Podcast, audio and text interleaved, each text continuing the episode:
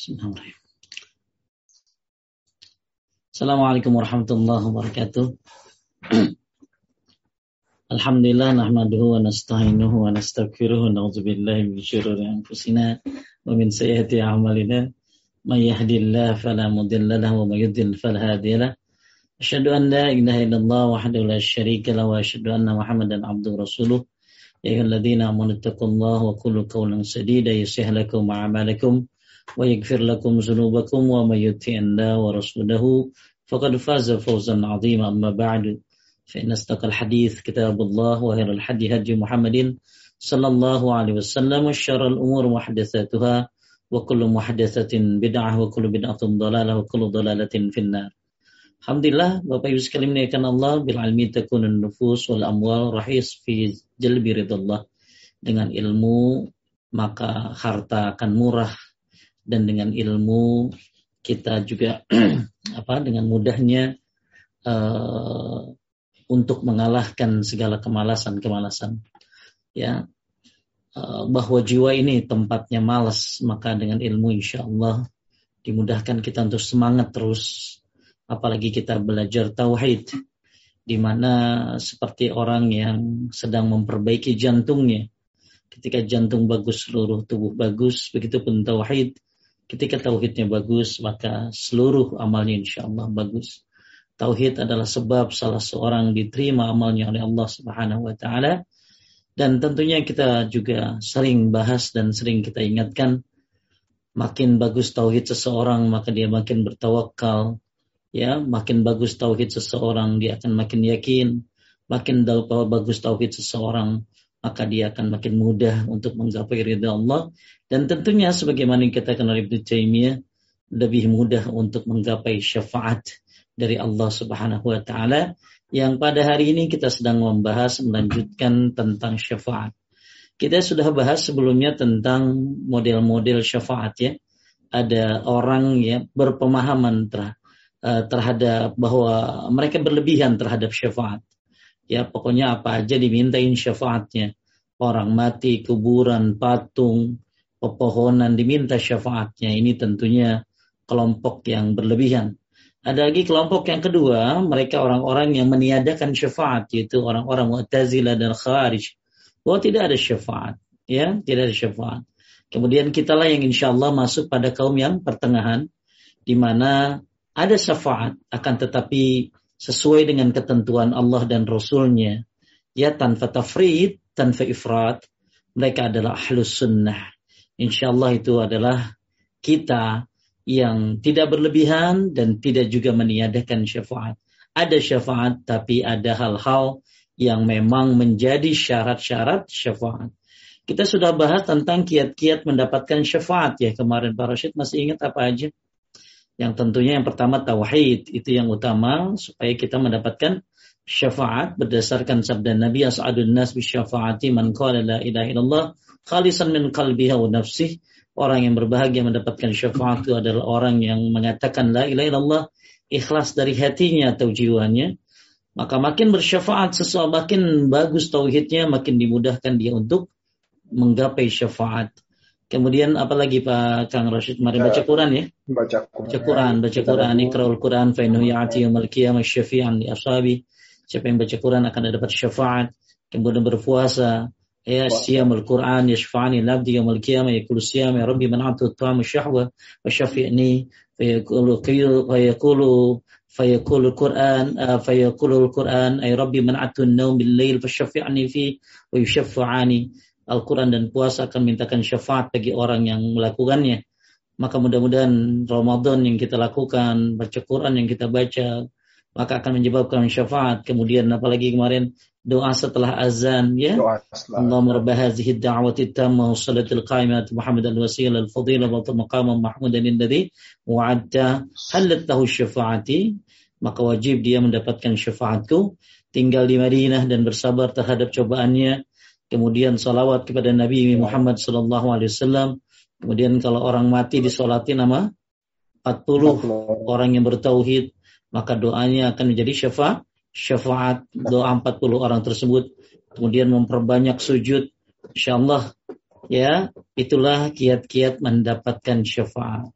Bahkan ada juga ya syafaat dari teman. Ya, tapi semua syafaat itu semuanya hanya berlaku buat siapa? Satu illa liman yartada. Untuk orang-orang yang diridhoi oleh Allah Subhanahu wa taala berarti nggak boleh syirik ya. Kemudian uh, manzalladhi yashfa'indahu illa biizni atas izin Allah, atas ridha Allah. Kemudian adalah ahlut tauhid. Maka berbahagialah ahlut tauhid bahkan doanya bisa mendoakan orang lain agar menjadi syaf berikan dikasih syafaat dia bermanfaat buat dirinya dan juga bermanfaat buat orang orang lain. Nah, kita masuk kepada ayat yang yang selanjutnya yaitu kalau nggak salah ini ayat kursi ya. A'udzubillahi minasyaitonirrajim itu uh, halaman 189 ya. Saya akan share screen. Ya. Pembahasannya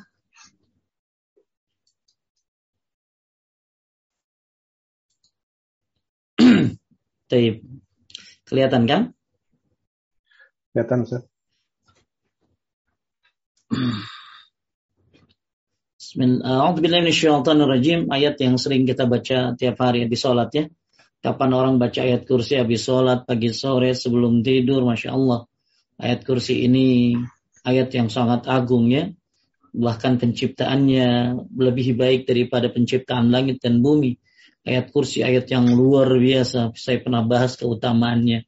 Dan tapi banyak orang yang tidak sadar bahwa dalam ayat kursi ini ada pokok syafaat. Pokok tauhid di antaranya adalah syafaat. Ya satu sisi dia nyembah kuburan, tapi baca ayat kursi tiap habis sholat. Lucu juga ya. Inilah pentingnya mengamalkan Al-Quran. Makanya orang salaf dulu itu uh, menjadikan pengamalan, uh, menjadikan pengamalan. Uh, jadi mereka itu menjadikan tadabur itu tadabur tafakkur itu menjadi pengamalan bukan baca yang jadi pengamalan karena banyak orang sekarang menjadikan membaca sebagai pengamalan saja gitu loh maka harusnya tadfakur tadabur itu adalah pengamalan dari Al-Quran. Oleh karena itu manzalladhi yashfa'indahu ila bizni makanya kalau baca makanya siapa yang baca ayat kursi setiap habis sholat? Apakah keutamaannya? Maka dia tidak akan dia tidak akan mati sebelum dia dia di ketika dia mati dia akan masuk surga. Ya keutamaan orang yang membaca ayat kursi. Ya akan tetapi orang hanya tahu keutamaan banyak orang baca ayat kursi senang baca ayat kursi karena dia kalau mati akan dapat surga tapi dia lupa di dalam ayat kursi ini ada pokok tauhid yaitu di antaranya adalah tentang syafaat. Allah berfirman, "Man zalladhi yashfa'indahu illa biizni." Tidak ada yang dapat memberi syafaat di sisinya tanpa seizinnya. Berarti semua syafaat itu asas izin Allah. Maka nanti kita akan lihat bagaimana Nabi sebelum diberikan syafaat, dia akan sujud lama sekali di hadapan Allah. Kemudian baru Allah memberikan izin untuk memberikan syafaat. Banyak orang dengan mudahnya mengatakan, Ustadz berikan aku syafaat. Lah siapa lo? Ya, ya Pak Kiai berikan aku syafaat. Syafaat ini adalah atas izin Allah subhanahu wa ta'ala. Baik kita lihat syarahnya. Lanjutkan. Syar Islam. Uh, Syekhul Islam Ibn Taimiyah rahimahullah menerangkan, maksud dari Al-Quran menolak syafaat adalah menolak kesyirikan. Dalam arti lain, bahwa tidak boleh seorang pun beribadah kecuali hanya kepada Allah Subhanahu wa taala. Tidak boleh berdoa kepada selainnya. Tidak boleh meminta kepada selainnya, tidak boleh bertawakal kepada selainnya, baik dalam masalah syafaat maupun yang lainnya. Ini kata Syekh Islam Ibn Taimiyah, ya maksud daripada Al-Quran menolak syafaat adalah menolak kesyirikan. Ya, jadi jelas-jelas bahwa Allah Subhanahu wa taala tidak mau disekutukan, tidak mau diibadahi selain hanya Dia, maka hendaklah kita mentauhidkan Allah supaya mendapatkan syafaat. Jadi gini, kita itu masuk surga satu karena rahmat Allah, betul? Ya kan?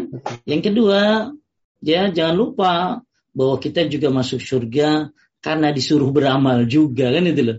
Jadi jangan ngarepin rahmat Allah tapi nggak beramal gitu loh. Ya, makanya falyamalil amilun falyatanafasil mutanafisun. Kemudian ada lagi apa? uh, fastabikul khairat. Ya banyak ayat-ayat yang menyuruh kita untuk beramal. Jadi Allah berikan kita rahmat, Allah menyuruh kita beramal. Satu lagi tadi ada syafaat. Ya, syafaat ini bisa berupa pengurangan hukuman, ya, kemudian bisa jadi pembebasan dari sebuah hukuman dan kita nantikan syafaat dari Allah Subhanahu wa taala. Dan syafaat ini yang dari Al-Quran, dari puasa, semuanya itu berujungnya kepada satu muara yaitu tauhid. Anda mau baca Quran sampai bengek gitu ya. Banyak sehari sekali hatam. Ya, sehari sekali hatam luar biasa. Tapi Anda menyekutukan Allah akan manfaat. Gak akan manfaat baca Al-Quranmu. Kenapa? Karena Anda menyekutukan Allah Subhanahu wa taala. Anda berbakti kepada orang tua luar biasanya. Orang kalau berbakti sama orang tua kan keren banget lah. Sampai ada orang masalah hmm. mengatakan la yamutu ahadun uh, sebutkan albar bi walidayhi la yamutu maitatassu. Orang yang berbakti kepada orang tua tidak akan dihindari dihindari akan dari mati yang buruk gitu ya. Tapi di satu tapi tentunya ada syarat-syarat yang berlaku, ada tanda bintang, Kang. Paham nggak? Kalau ada iklan tuh suka ada ada bintang di bawahnya gitu loh. Ya kan kalau ada bintang bonus sekian, bonus sekian. Jangan lupa lihat bintangnya. Banyak orang keceleng nggak lihat bintangnya. Kan tet, jadi peraturan berlaku itu loh. Hmm. Jadi jangan mentang-mentang ayo bonus sekian, dapat sekian, dapat sekian. Lalu Anda lupa ada bintang di bawahnya. Apa bintang di bawahnya? Peraturan tetap berlaku. Apa peraturannya? La ilaha illallah kalimatun ulia. Ya, kalimatut thayyibah ya tidak boleh menyekutukan Allah. Ya oleh karena itu uh, ketika kita berbicara tentang kebaikan banyak orang berbuat baik akan tetapi bertauhidkah dia kepada Allah Subhanahu wa taala? Maka kita berharap kita bertauhid kepada Allah dan kita juga rajin berbuat keba kebaikan. Sebagaimana Allah memberikan rizki kepadanya dengan beberapa sebab. Bisa jadi melalui perantara seorang akan tapi tidak dibolehkan baginya untuk bertawakal kepada orang lain untuk memberi memberinya rizki. Iyalah. Ya Allah memberikan rizki dengan sebab-sebab. Tapi bukan berarti anda akhirnya bertawakal kepada orang yang justru jadi perantara Allah Subhanahu wa taala.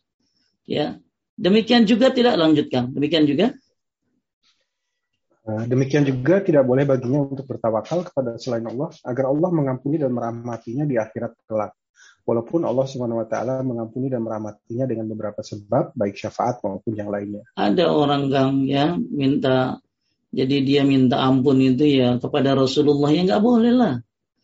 Ya orang Nabi Muhammad aja minta ampun kepada Allah, kenapa kamu minta ampun kepada Nabi Muhammad Sallallahu Alaihi Wasallam? Ada orang minta ampun kepada kepada sampai dibilangin Pak Kiai ampuni saya, Pak Kiai ampuni saya. Kenapa dia minta ampun kepada Pak Kiainya? Ya, jadi banyak orang yang mungkin uh, salah paham terhadap syafaat ini. Ya, dia dia baca Quran, dia apa tadi tadi?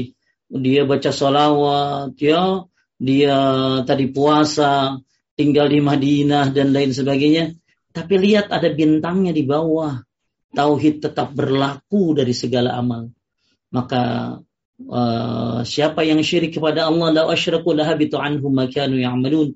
Kalau kalian syirik hilang apa yang telah kalian kerjakan. Makanya salat nomor dua, setelah itu puasa, zakat, haji. Tapi nomor satu adalah asyhadu an la ilaha illallah. Taib, inilah pembahasan yashfa'u indahu illa biizni. Tidak ada yang bisa memberi syafaat di sisi Allah selain atas izinnya. Atau atas izinnya kata Syekh Islam Maksudnya Allah Al-Quran, maksud dari Al-Quran menolak syafaat adalah menolak kesyirikan. Ya, tidak boleh orang meminta syafaat kecuali kepada Allah Subhanahu wa taala atau satu sisi dia uh, banyak beribadah akan tetapi dia juga menyekutukan Allah Subhanahu wa taala. Tapi lihat kita lihat faedahnya nomor satu, lanjutkan. Nomor satu, penetapan tentang adanya syafaat yang tertolak, tidak diterima oleh Allah. Ya, jadi syafaat itu ada yang tertolak ya. Ya, hmm. kenapa? Karena ada syiriknya. Gitu loh.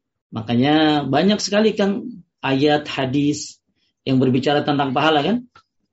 Ya, contoh misalnya, siapa yang sholat du subuh lalu sampai syuruk, sholat dua rakaat, pahalanya kayak haji dan umroh. Benar itu hadisnya. Tapi ingat, ada ada poin-poin yang lainnya yang harus dia capai juga, yaitu tauhid. Ya, jangan sampai tadi dia baca Quran rajin-rajin, ternyata dia menyekutukan Allah. Bagaimana dia mau dapat syafaat dari Al-Quran? Ya, kalau ternyata Allah nggak mengizinkan, karena syafaat kembali lagi manzalladhi yashfa'indahu illa biizni, karena syafaat itu milik Allah Subhanahu wa taala tidak akan bisa keluar tanpa izinnya. Terus nomor dua, Eh, yang kedua, penetapan tentang adanya syafaat yang diterima, yaitu setelah orang yang akan memberi syafaat diberi izin oleh Allah untuk memberi syafaat. Taib. Jadi kita bisa memberi syafaat ya kalau diizinkan oleh Allah Subhanahu wa taala. Tiga tadi Kang ya, diridhoi, diizinkan dan ahli tau tauhid. Ya. Nomor tiga, Eh, penjelasan mengenai keagungan dan kebesaran Allah Subhanahu wa taala serta tunduknya seluruh makhluknya kepada kekuasaan. Taib inilah pembahasan pendek dari ayat manzal dari yashfa'indahu ila biizni kesimpulannya ada syafaat yang tertolak. Siapa syafaat yang tertolak? Syafaat yang dia melakukan kesyirikan. Ya, syafaat ada yang diterima, ada yang ditolak. Maka hendaklah kita semuanya memperbagus tauhid kita.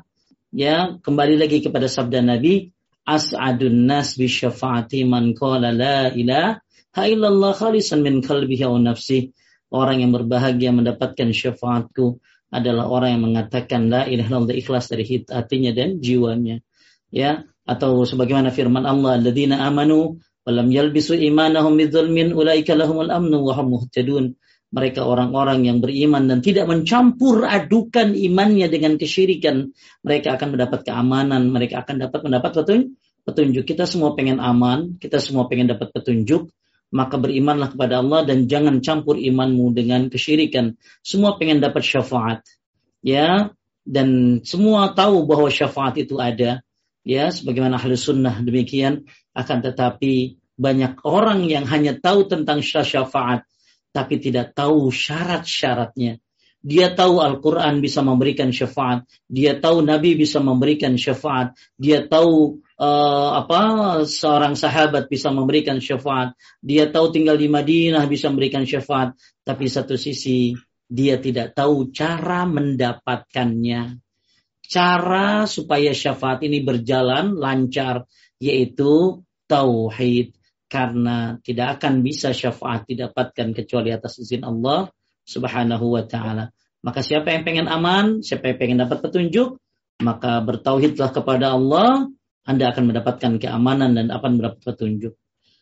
Baik, kita masuk kepada ayat yang selanjutnya. Wa kam min malakin fis samawati la tughni syafa'atuhum syai'an illa min ba'di ay ya'zana Allahu liman yasha wa yarda. Artinya kan? Eh, dan betapa banyak malaikat di langit, syafaat pertolongan mereka sedikit pun tidak berguna kecuali apabila Allah telah mengizinkan dan hanya bagi siapa yang dia kehendaki dan dia ridhoi. Kali akan temenan nama Jibril ya, kali misalnya. Ya, teman nama Jibril misalnya. Ya, kemudian uh, tapi akan menyekutukan Allah pencipta Jibril. Nggak akan manfaat syafaat Jibril. Ya, makanya malaikat di langit kan banyak banget. Setiap hari keluar 70 ribu malaikat dari dari langit, dari dari Baitul Ma'mur dan tidak kembali lagi. Betapa banyak jumlah malaikat, bahkan setiap jeng, berapa jengkal dari kita akan ada, ada malaikat. Segitu banyaknya malaikat di langit, nggak bisa memberikan syafaat. Ya, kecuali apa tuh? Lima yasha wa yardha siapa yang dikehendaki Allah dan dia ridhoi. Taib coba misalnya. Manusia bagusan mana kang malaikat? bagusan malaikat. Sekarang bagusan malaikat ya, karena malaikat nggak berbuat ya. dosa sekarang. Ya. ya, kalau nanti e, kalau kita udah masuk surga bisa jadi bagusan kita. Kenapa? Ya karena kita masuk surga karena apa? Karena amal kan? ya tapi kalau malaikat masuk surga kan ya memang dia diciptakan untuk untuk masuk surga untuk ada di surga Sekarang mau bayangkan malaikat yang segitu dekat dengan Allah Subhanahu wa taala. Malaikat yang dapat tugas-tugas khusus dari Allah Subhanahu wa taala. Yang kata Kang Rashid tadi memang lebih mulia dari manusia untuk saat sekarang ini.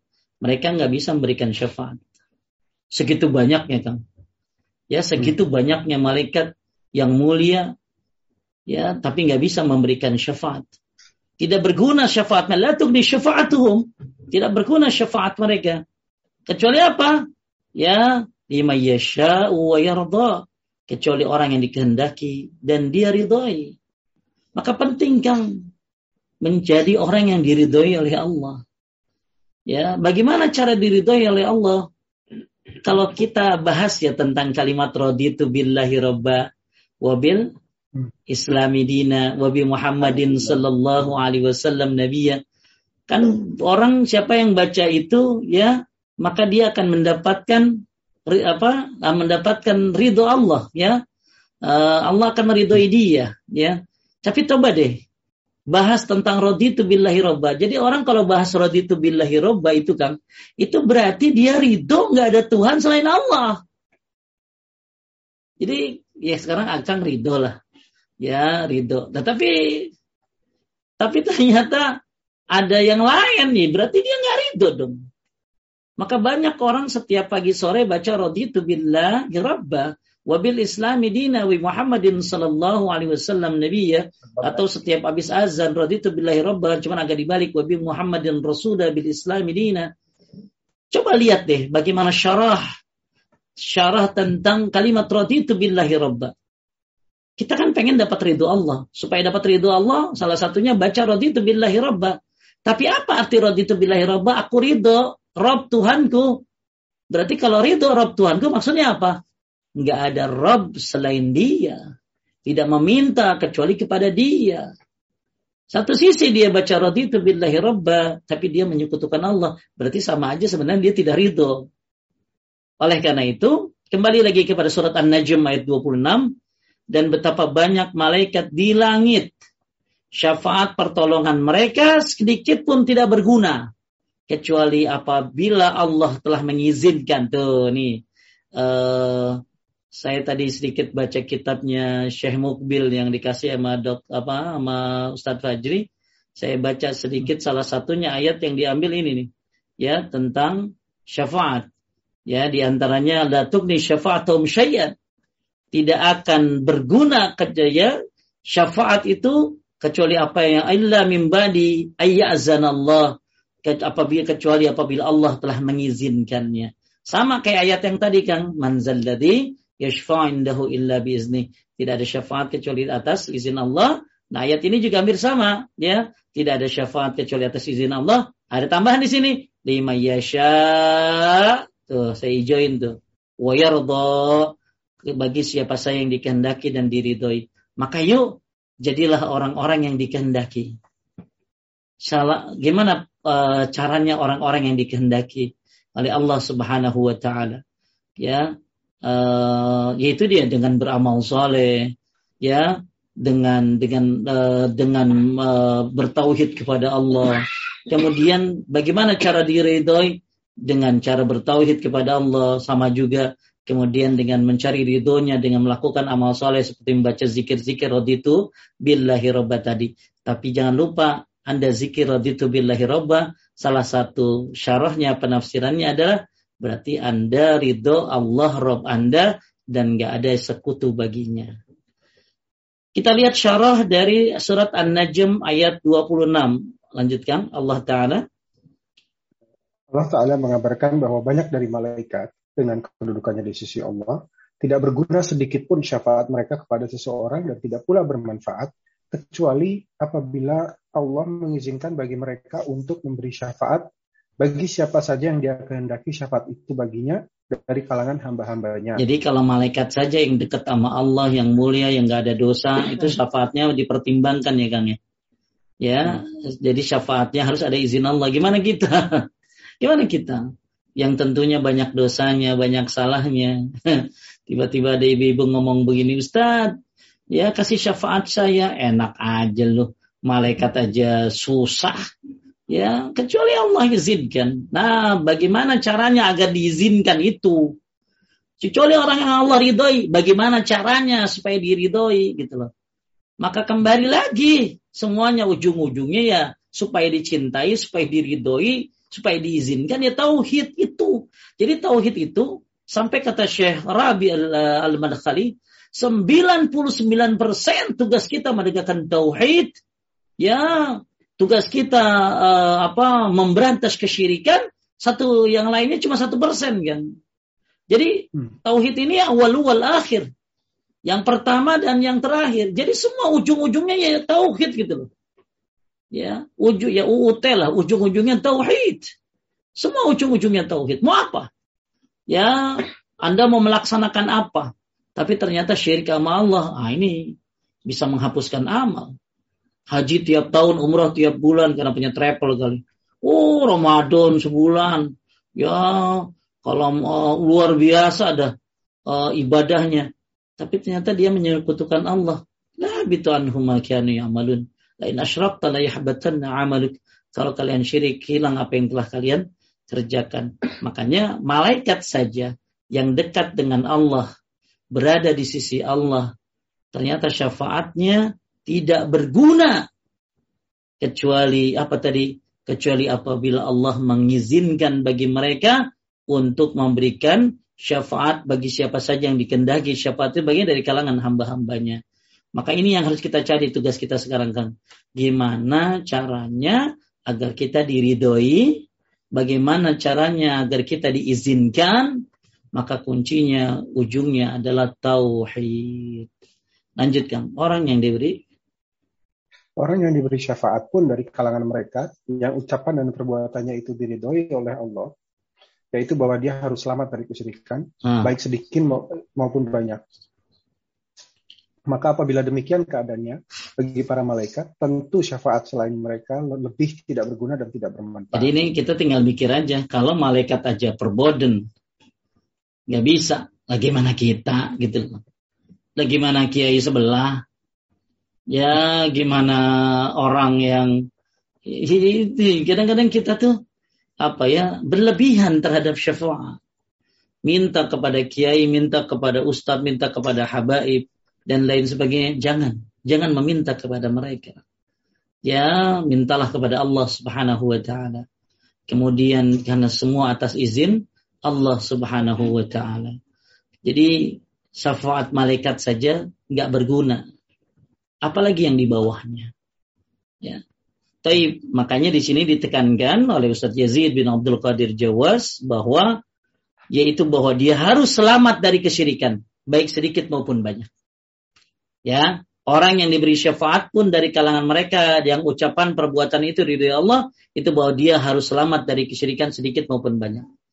Makanya nggak boleh bosan-bosan terus baca kitab tauhid. Nggak usah nungguin kajian paduka ya. Kalau bisa punya masing-masing punya bukunya. Nggak ada bukunya cari PDF-nya. Ya, PDF-nya banyak insya Allah. Cuman kalau bukunya mungkin belum ada buku syarah dari Ustadz Yazidnya belum ada PDF-nya karena mungkin ya harus ada izin percetakan ya Kang ya. Ya, uh, tapi kalau yang buku PDF-nya Syekh Abdul Wahab itu banyak sekali. Jadi Anda terus baca. Kalau bisa punya kebiasaan sehari baca buku tauhid sehari berapa menit, sehari berapa menit. Selesai baca, baca lagi hatam, baca lagi terus. Sampai bebas kesyirikanmu, sampai bertambah maksimal keyakinanmu, sampai bertawakal dirimu. Benar-benar tawakal yang sebenar-benarnya. Nah itu nggak boleh bosan-bosan. Terus belajar tauhid. Ya, ya tinggal ini aja. Kadang-kadang yang pembawa apa yang ngadain pengajiannya ya takutnya bosan gitu. Ya. bosan ya ya tauhid lagi tauhid lagi ya. Kagak ada lucunya gitu loh. Nah ini kita ngaji tentang Allah. Ya bukan lawakan. Ah tauhid lagi, tauhid lagi. Ya emang kajian tauhid ini kajian yang sangat penting tapi sedikit sekali benar-benar orang-orang yang mengetahui pentingnya tauhid. Tapi faedah. Uh, faedahnya yang pertama, para malaikat tidak bisa memberikan syafaat melainkan setelah diizinkan oleh Allah Subhanahu wa taala. Uh, yang Dua. kedua ayat ayat di atas yang ayat di atas membantah kaum musyrik yang mendekatkan diri kepada makhluk-makhluk dengan mengharap syafaat dari mereka.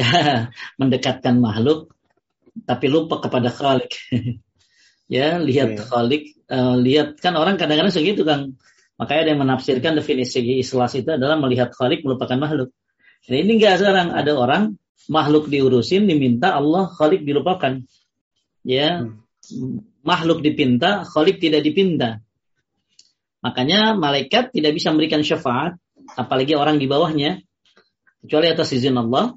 Kemudian ini ayat yang surat An-Najm ini ya, ayat 26 dan ayat kursi, tadi membantah kaum musyrikin yang mendekatkan diri kepada makhluk-makhluk dengan mengharap syafaat dari mereka. Ya, jadi mereka mendekati kuburan, nginep-nginep di kuburan, bertapa di kuburan, ya.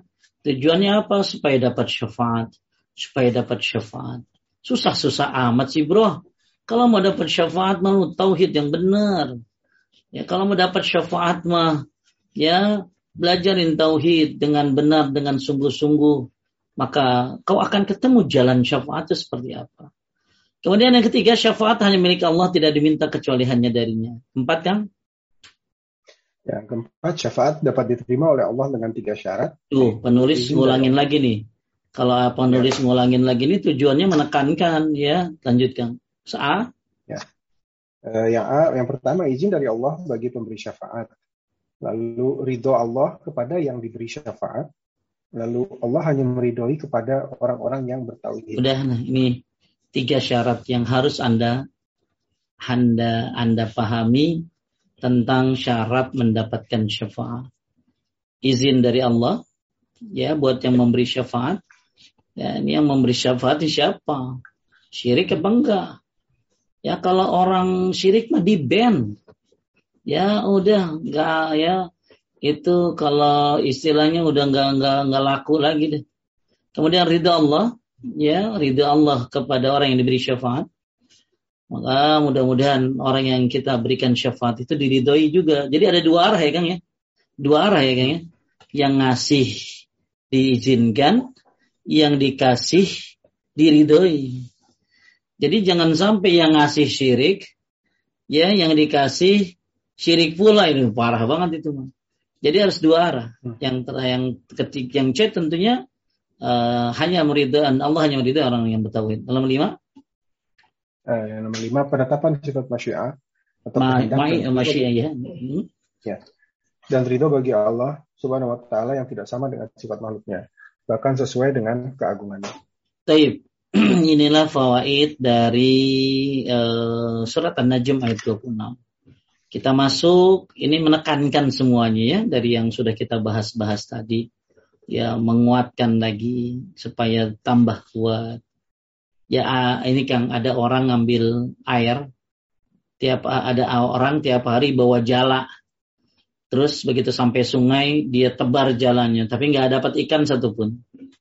Setiap hari dia begitu. Tiap hari dia begitu sambil dia ngeluh. Ngapain saya tiap hari bawa jala ke sungai tapi nggak dapat ikan mulu? Apa kata orang bijak? Kamu lihat jaringmu. Jaringmu bersih kan? Karena tiap hari kena air kan kan? Tiap hmm. hari kena air gitu kan. Ya tiap hari kena air, eh, jaringnya bersih walaupun nggak dapat apa? Ikan. Mungkin ada orang yang setiap hari baca kitab tauhid, baca kitab tauhid, kitab tauhid. Ya kadang-kadang lupa, kadang-kadang lupa diingetin lagi, diingetin lagi. Ya mudah-mudahan eh, sering-sering diingatkan akhirnya hatimu jadi bersih, tauhidmu jadi bersih. Ya kayak tadi, walaupun nggak dapat ikannya Kang. Coba kalau saya tanya Kang ya, jamaah misalnya ya. Saya pernah ada seorang remaja bilang begini sama saya, Ustaz, saya sudah hatam kitab Fathul Majid. Wih, keren kitab Fathul Majid. Ya, apalagi kalau syarahnya Syekh Ali Syekh. Dia udah hatam katanya. Terus saya tantang. Coba kamu kasih saya satu ayat atau satu hadis yang ada di kitab Tauhid, di kitab Tauhid Fathul Majid. Dia nggak bisa jawab itu santri kan. Padahal dia bilang sama saya dia udah hatam. Maksudnya apa? Berapa banyak manusia hatam tapi nggak paham tuh. Hmm. Ya, hatam tapi, tapi minimal tuh anak muda tahu syirik agak boleh gitu aja. Ya minimal mereka dia tahu bahwa hanya Allah yang disembah, nggak boleh ada kesyirikan. Itulah maksud jaringnya bersih kan. Walaupun hmm. dia kagak hafal ayatnya, ya ya kayak ada orang. Walaupun dia nggak hafal ayatnya, walaupun dia ngaji tauhid udah berapa tahun kita kan? Berapa tahun? Udah hampir mau tiga tahun mungkin ya. Udah mau tiga uh, tahun. Ya. Ini udah tiga kali puasa kayaknya.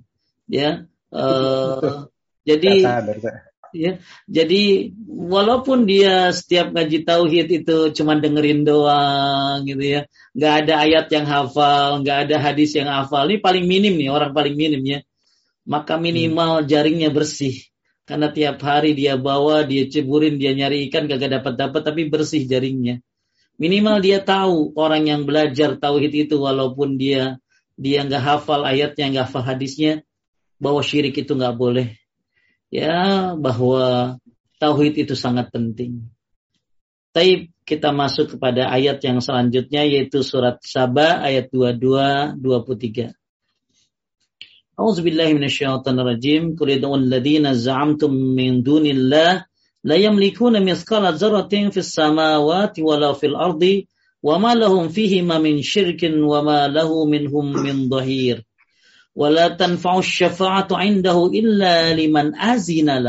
Ini sama ayatnya Kang tentang syafaat atas izin Allah. Banyak banget ayat-ayatnya ya. Kita lihat artinya Kang, katakanlah. Uh, katakanlah uh, Muhammad, serulah mereka yang kamu anggap sebagai Tuhan selain Allah. Mereka tidak memiliki kekuasaan seberat zarah pun di langit dan di bumi, dan mereka tidak mempunyai satu peran pun dalam penciptaan langit dan bumi dan tidak ada di antara mereka yang menjadi pembantu baginya. Dan syafaat atau pertolongan di sisinya hanya berguna bagi orang-orang yang telah diizinkannya Ayy, untuk memperoleh syafaat. Siapa, siapa yang kamu panggil? Syekh Abdul Qadir Jailani? Karena ada orang kalau mau doa ilah hadrati Syekh Abdul Qadir Jailani. Ayo panggil. Ya nggak bisa, dia nggak punya kekuasaan seberat zarah pun. Aneh ya kan, ada sebuah aliran di Indonesia bilang begini, bahwa guru kita punya kedudukan khusus, punya surga khusus, dan dia memasukkan ke surganya orang-orang yang ditentukan sama dia. Itu udah kayak Tuhan orang tuh digituin. Segitu fanatiknya orang sama kiai lah Jadi serulah. Ingat ini Al-Quran ya. Surah Sabah ayat 22 23. Qul ladina za'amtum min dunillah. Ya, serulah mereka yang kamu anggap sebagai selain Allah. Silakan panggil. Ya. La yamlikuna misqala zarrah fis samawati wala fil. Ya, bahwa la yamlikuna misqala zarratin bahwa mereka tidak memiliki kekuasaan seberat zarrah pun di langit dan di bumi. Mereka tidak mempunyai satu peran pun dalam penciptaan langit dan bumi. Nah ini Kang menolak nih Kang. Karena saya sering dengar berita bahwa para wali ini ini mengurus ikut mengurus ikut mengurus apa keadaan bumi enggak benar ini ini mengurangi hak Allah bahwa Allah itu adalah pengatur Allah enggak butuh mereka. Kita menghormati para aulia. Kita menghormati orang-orang soleh. Tapi jangan kau angkat dia seperti Allah. Saya kan lahir 16 Agustus Kang. Ya uh, ada orang bilang begini sama saya. Tahu nggak 16 Agustus tuh para wali lagi kumpul di gunung? Gunung Sonono Galunggung. Ya ngapain? Tujuh belasan. Ya mau mau panjat pinang. Katanya mereka ikut uh, apa merayakan. Mereka ikut me, ikut mengatur ya. Makanya Kang dulu ya saya kan pernah salah lah dalam hidup ini. Saya tuh kalau hmm. mau ke daerah mana saja, saya minta, saya gebrak bumi, minta sama penunggu wali siapa yang ada di daerah situ. Saya ke Jakarta misalnya, saya sampai terminal, saya bacain ini kan, bacain sesuatu, ya mungkin gebrak bumi, nah minta sama penguasa Jakarta.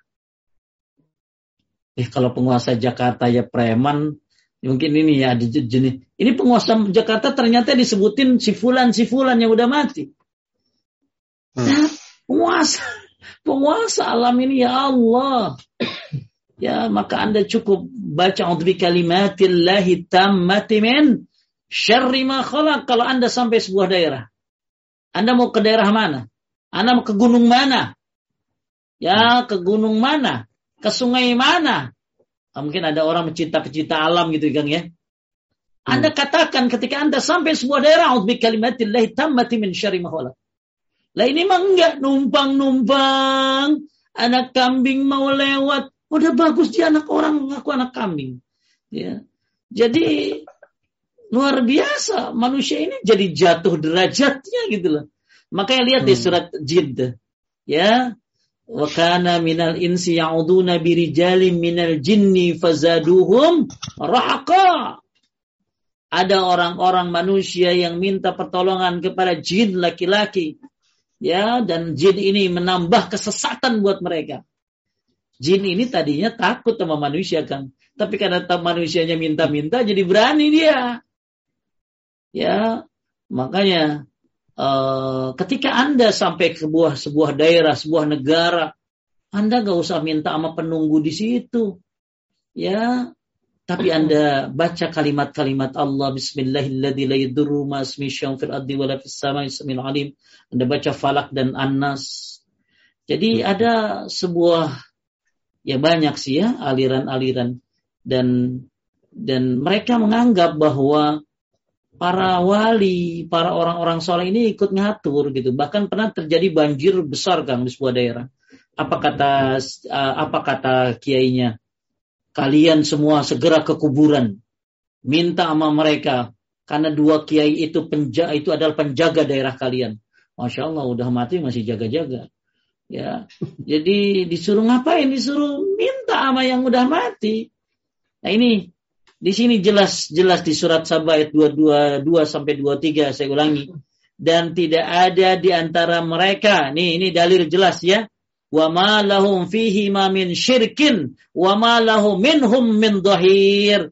Perhatikan Bapak Ibu, saya merahin, saya hijauin tuh dan tidak ada di antara mereka yang menjadi pembantu baginya siapa Allah.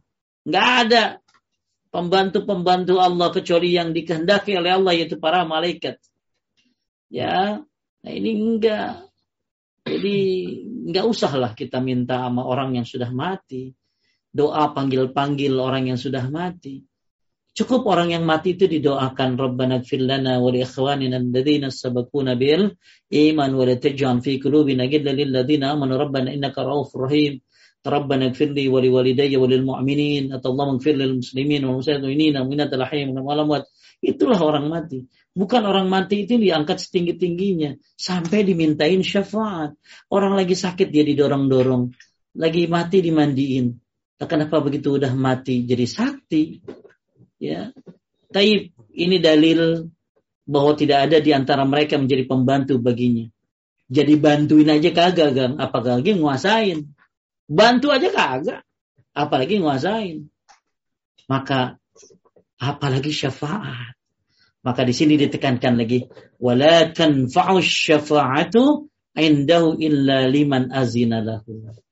Taib Kang lanjut. Ibnu Qayyim uh, Imam Ibnu Qayyim rahimahullah menjelaskan di dalam ayat ini Allah Subhanahu wa taala telah memutus semua sebab yang dijadikan pegangan oleh orang-orang musyrik. Seseorang berbuat syirik atau menyembah selain Allah karena dia merasa mendapatkan manfaat dari sembahannya tersebut. Ya, ada orang menyembah sesembahan selain Allah karena merasa mendapatkan manfaat dari sesembahan tersebut.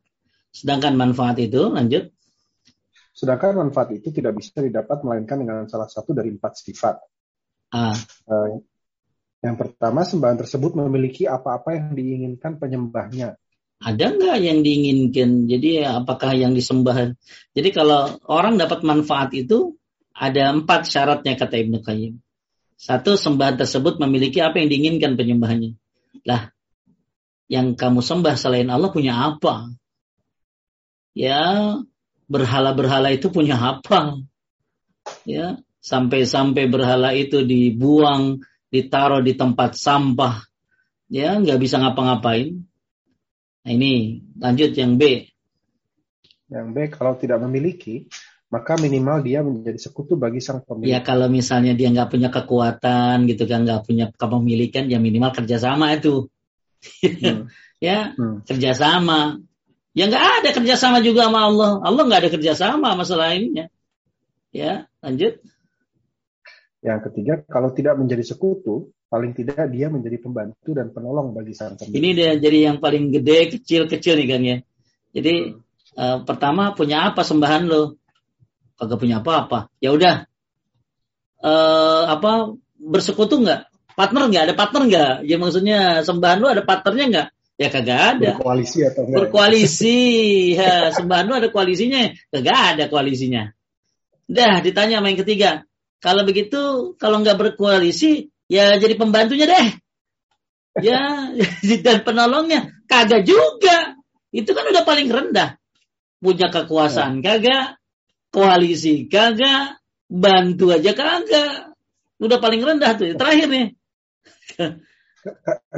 Kalau tidak Kalau, menjadi pembantu dan penolong, maka minimal dia mempunyai kedudukan di sisi sang pemilik sehingga bisa memberi syafaat di sisinya. Ya, kalau misalnya nggak bisa semuanya tuh, nggak punya kepemilikan, nggak punya sekutu, nggak punya koalisi, ya minimal dikenal lah tuh kan dihargai minimal. Dihargai. Dan nggak akan ada Allah dan Rasulnya menghargai sesembahan selain Allah Subhanahu Wa Taala. Nggak akan ada Allah dan Rasulnya mengagungkan sesembahan selainnya. Bahkan mereka disebut dengan tagut. Ya. Wajtanibu tagut. Jauhilah tagut. Oleh karena itu ya mereka orang-orang yang meminta syafaat kepada selain Allah maka perhatikanlah. Yang kamu minta itu punya kekuasaan enggak? Orang lagi hidup aja dia jadi jadi jadi bawahan RT. Lagi hidup aja jadi bawahan RT. Kan saya ustadz di sini nih misalnya. Itu RT saya bukan saya. saya aja bawahan RT, bawahan RW. Di dunia aja dia jadi bawahan gitu loh. Lagi mana dia dipinta gitu. Kemudian kalau dia tidak memiliki kekuasaan yang minimal koalisi lah. Siapa koalisinya? Enggak. Jadi koalisi itu bukan hanya di partai Kang. Koalisi juga dalam kesyirikan ada koalisi itu. Karena uh, ada jibet, ada togut. Jibet itu tukang sihir, togut itu ya ya setan gitu loh. Maka koalisi tukang sihir ya setan. Makanya setan tuh nyari koalisi. Ya, uh, bukan koalisi yang nyari setan. Jadi ya eh, atau yang koalisi yang jadi setan gitu loh. Jadi ketika dia nggak punya kekuasaan, punya koalisi nggak? Ada koalisinya. Ya udah, minimal lu bantuin dia tuh, bantuin nggak Allah? Ya nggak akan mereka Allah tidak berhak membantu punya buat pembantu seperti itu. Kemudian terakhir ya minimal dikenal dah. Ya kan orang minimal kenal. Uh, Bapak kenal tetangga saya gitu. Tanya saya itu kan minimal kan dia dikenal. Ternyata nggak dikenal hmm. juga, nggak dihargai sesembahan. Apa yang dihargai dari selain Allah? Ya sampai Nabi saja Sallallahu Alaihi Wasallam yang begitu uh, insan kamilnya sering beristighfar, sering bertobat salih wallahi inilah astagfirullah fil yawm aksar min sab'ina marrah dalam riwayat lain ada mi'atu marrah ya sering bertobat beristighfar merasa bukan merasa ada dosa karena merasa ibadahnya masih kurang kepada Allah Subhanahu wa taala.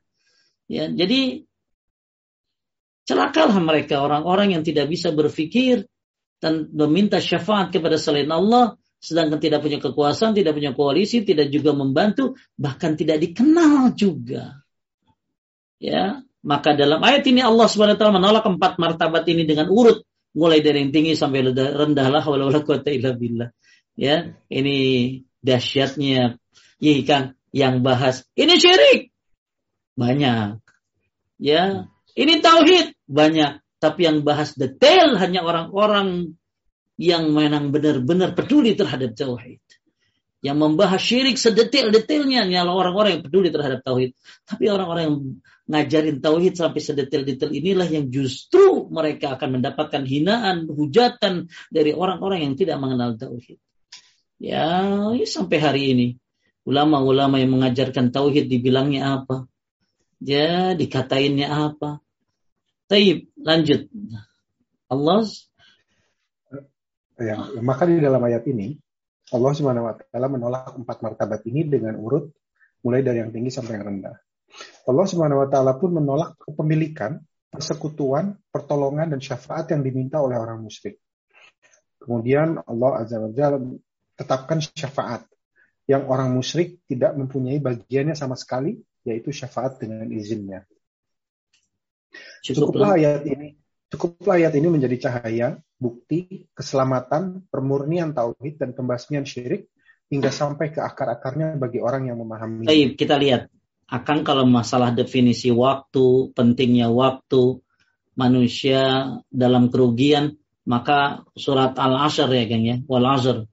Innal insana lafi khusr illa alladziina amanu wa amilus salihati wa tawassaw bil haqqi wa tawassaw bis sabr kata Imam Syafi'i. Kalau ayat itu itu ayat sudah cukup itu. Untuk masalah apa tadi? Pentingnya apa? Waktu, pentingnya orang uh, apa semua orang itu merugi kecuali orang yang beriman, beramal soleh. Ya. Nah sekarang kita bicara ayat yang cukuplah ayat ini menjadi cahaya. Ini indah banget nih.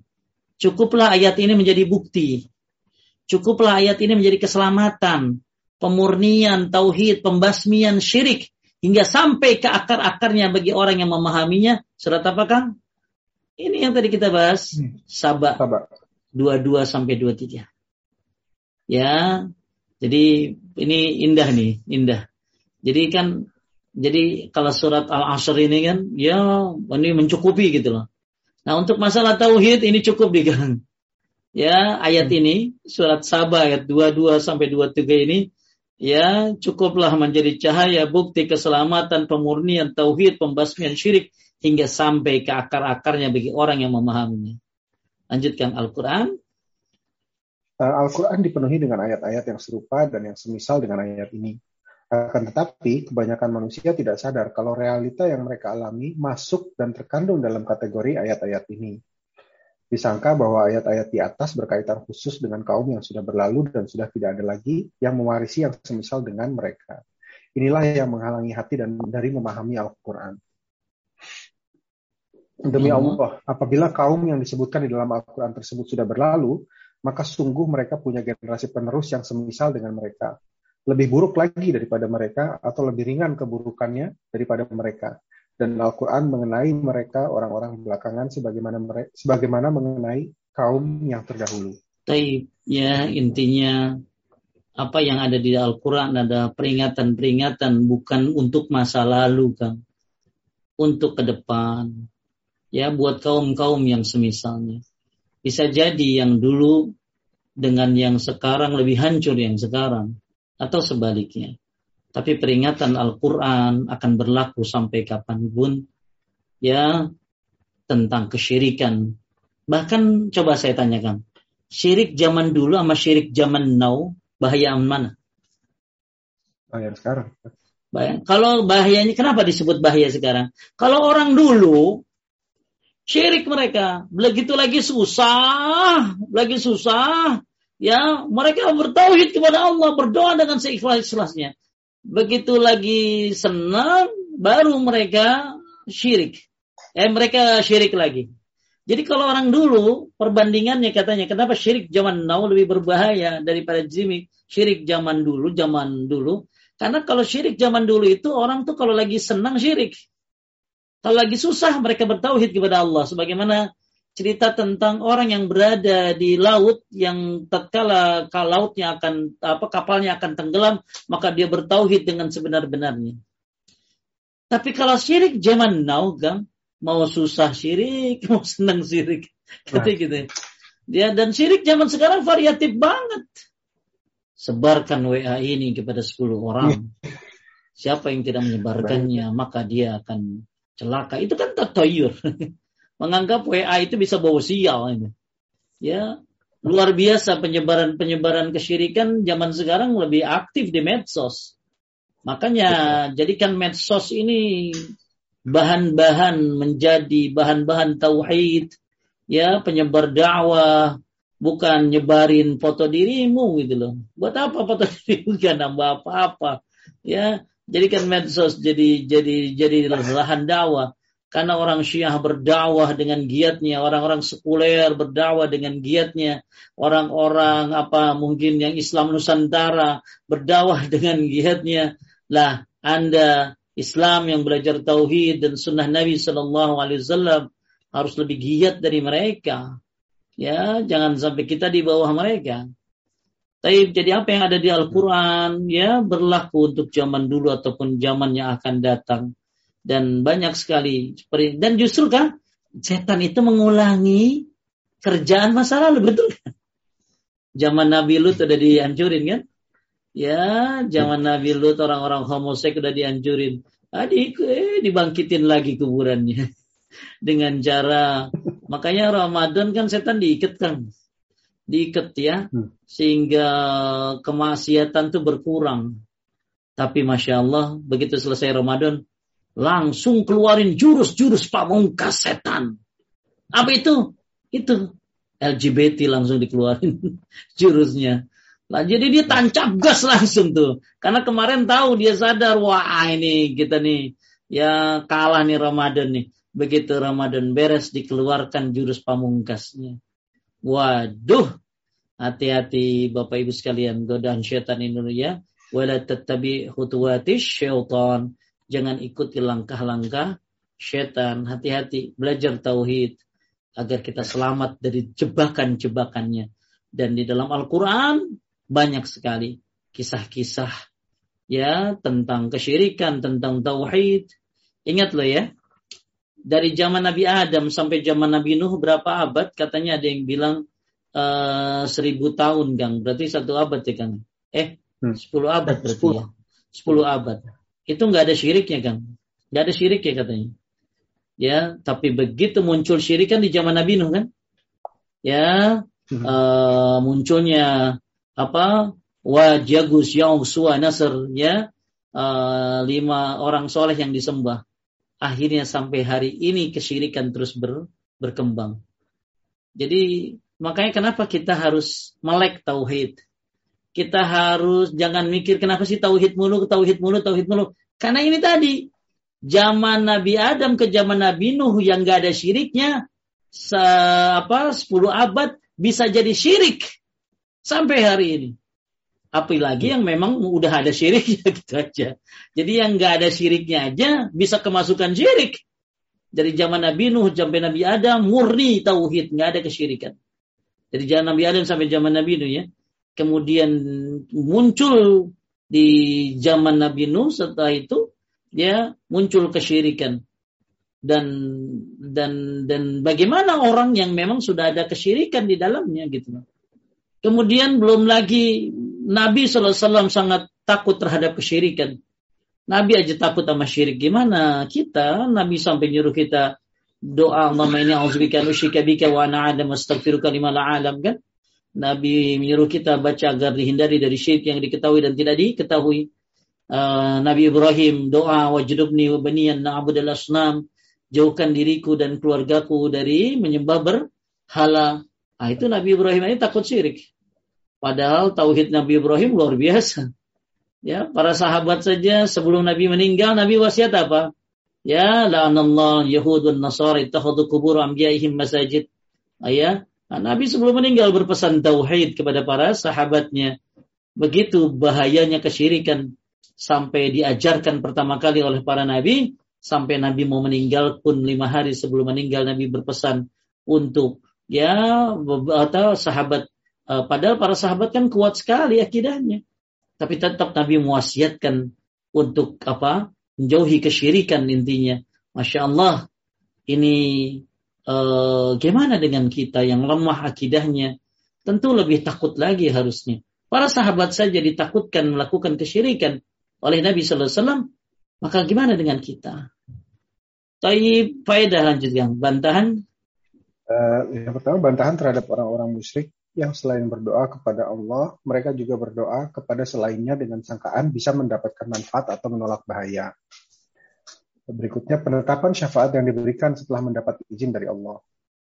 penolakan syafaat yang diberikan tanpa seizin dari Allah. Nah, yang terakhir, syafaat tidak akan bermanfaat untuk orang musyrik karena Allah Allah Ta'ala tidak mungkin mengizinkan syafaat diberikan kepada seorang musyrik pun. Taib ini faedahnya. Ya, tanggung kita selesaikan satu pembahasan lagi di di buku ini tentang satu apa perkata apa satu apa setelah membawakan ini perkataan ulama ya. Surat Sabah ayat 223 Abu Abbas Syaikhul Islam Ibnu Taimiyah rahimahullah berkata Allah telah menyangkal segala hal yang menjadi tumpuan kaum musyrikin.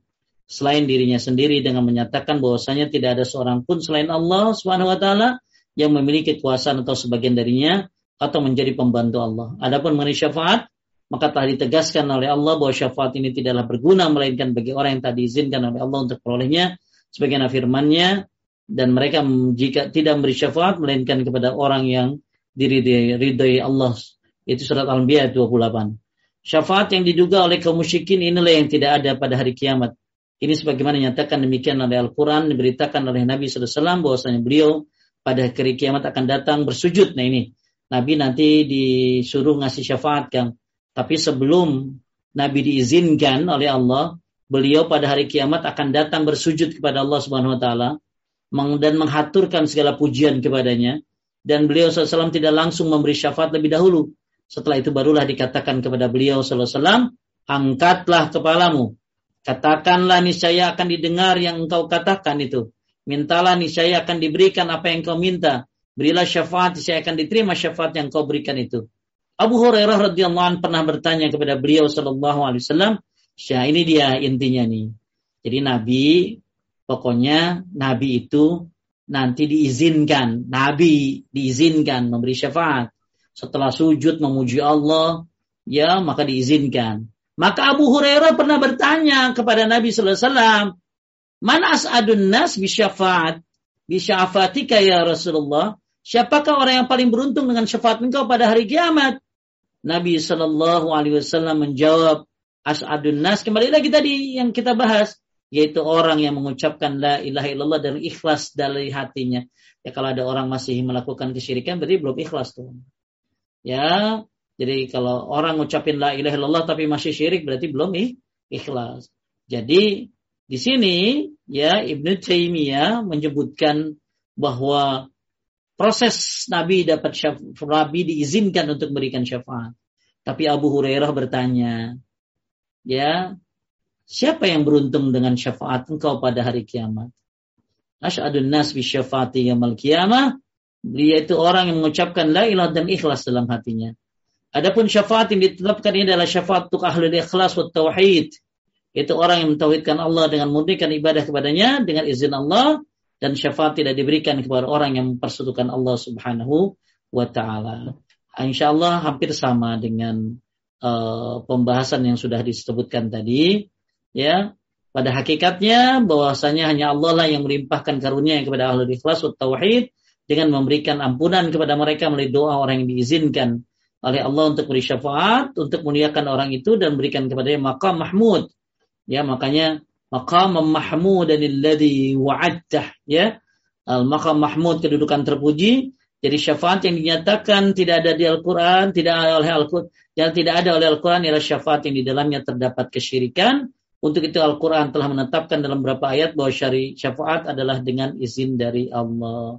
Dan Nabi SAW telah menjelaskan bahwa syafaat itu hanyalah untuk orang yang mentauhidkan Allah dan orang-orang ikhlas. Kesimpulannya di sini, kalau pengen dapat syafaat, ya jadilah orang yang mentauhidkan Allah Subhanahu wa taala dan kalau pengen dapat syafaat maka Anda harus diizinkan oleh Allah dan yang dikasih syafaat pun diridhoi dan syafaat hanya buat ahlut tauhid Wallahu a'lam. Inilah pembahasan di bab 17. Alhamdulillah telah selesai. Insyaallah kita nanti masuk ke bab 18 yaitu tentang apa 18 itu tidak dapat ya, mampu Nabi Muhammad sallallahu alaihi wasallam tidak dapat mampu memberikan hidayah kecuali dengan kehendak Allah Subhanahu wa taala. Allahu a'lam. Barakallahu fiik. Alhamdulillah. Uh, Jazakallah khair Ustaz. Uh, ini sudah ada beberapa pertanyaan. Uh, sebelum ke penanya langsung, saya ingatkan lagi pada teman-teman untuk mengangkat tangan untuk jika ingin bertanya langsung. Uh, saya akan bacakan dulu pertanyaan yang dititipkan satu saja, lalu kita akan share, lalu kita akan ke penanya yang langsung. Baik, Bismillahirrahmanirrahim. Uh, Assalamualaikum warahmatullahi wabarakatuh. Uh, Ustaz, berdoa memohon hanya kepada Allah Subhanahu wa taala. Kebiasaan sama kita adalah mohon doa restu ya. Doain ya, mohon doanya. Apakah ini diperbolehkan uh, atau apakah ini salah Ustaz? Baik, pertanyaannya dikip sebentar. Intinya meminta doa dibolehkan tapi ada syaratnya kan. Hmm. Ya kan ada orang mohon doa restu ya gitu loh. Saya nggak tahu hmm. sih restu itu apa. Saya punya teman namanya restu. Ya cuman kalau mohon doa restu apakah mohon doa dari restu gitu. Jadi mungkin doa restu atau apa ya artinya restu itu.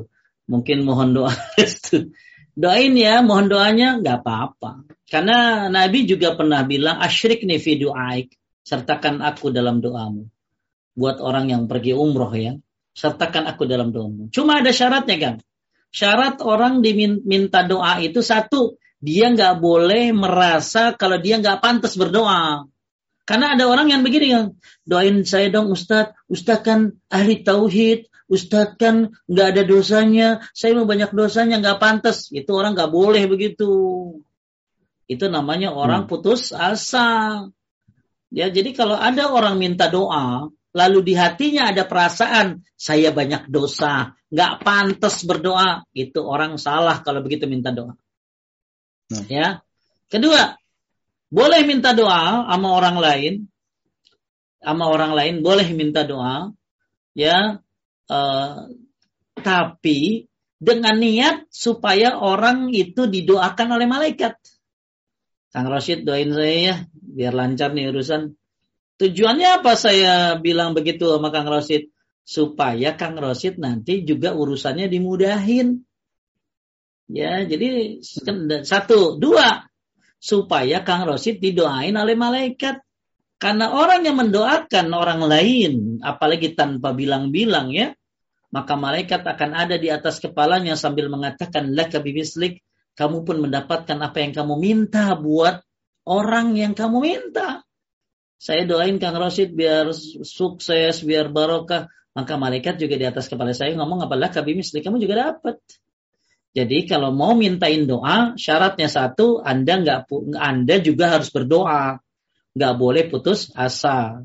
Dua, tujuan Anda minta doa, niatin supaya orang itu didoakan oleh malah malaikat. Kemudian yang ketiga, lebih baik ya kalau minta-mintain doa itu jangan dunia mulu Kang gitu loh.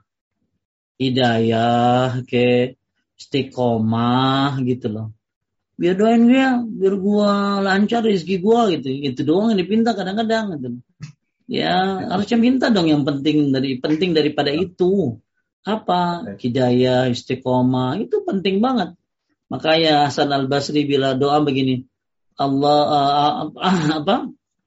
Allahumma anta rabbuna farzuqna istiqamah Ya Allah, engkau lah Rabbku, berikan kami rizki, ya, keistiqom, keistiqomahan. Baik, itu aja. Baik. Baik, saya langsung ke pertanyaan langsung. Ini Pak Laks Ars, silahkan di unmute singkat saja Pak. Pertanyaannya monggo. Assalamualaikum Ustaz. Waalaikumsalam. Apa kabar Pak Laks? Terkait, Alhamdulillah baik Pak. Terkait pengalaman lama Ustaz. Ketika itu saya masih lulus baru lulus kuliah. Itu saya ditawari pekerjaan di sebuah kampus Nasrani Ustaz. Cuman kampus Nasrani Petra lah, Petra ya. Cuman saya sempat ragu, kemudian saya konsultasi sama Ustadz. Sama Ustadz di Surabaya, saya sudah Surabaya Ustadz. Nah, ternyata itu bagian dari tauhid juga, bahwa sebaiknya jangan diterima gitu loh. Nah, ini kemarin... Kerjaan apa, Pak? Dosen, Ustadz. Kerjaan ngajar dosen? Ya. Hmm, ngajar apa?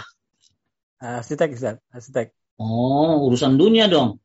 Ya, makanya tapi ketika itu si Ustadz menjawab bahwa ini sebenarnya bagian bagian dari tauhid bahwa jangan menjadikan orang Nasrani sebagai pemimpinmu dan juga banyak hal-hal yang lain yang lebih patut membantu uh, kaum muslimin yang lain gitu daripada membantu yang yang itu untuk urusan dunia maksud saya gitu.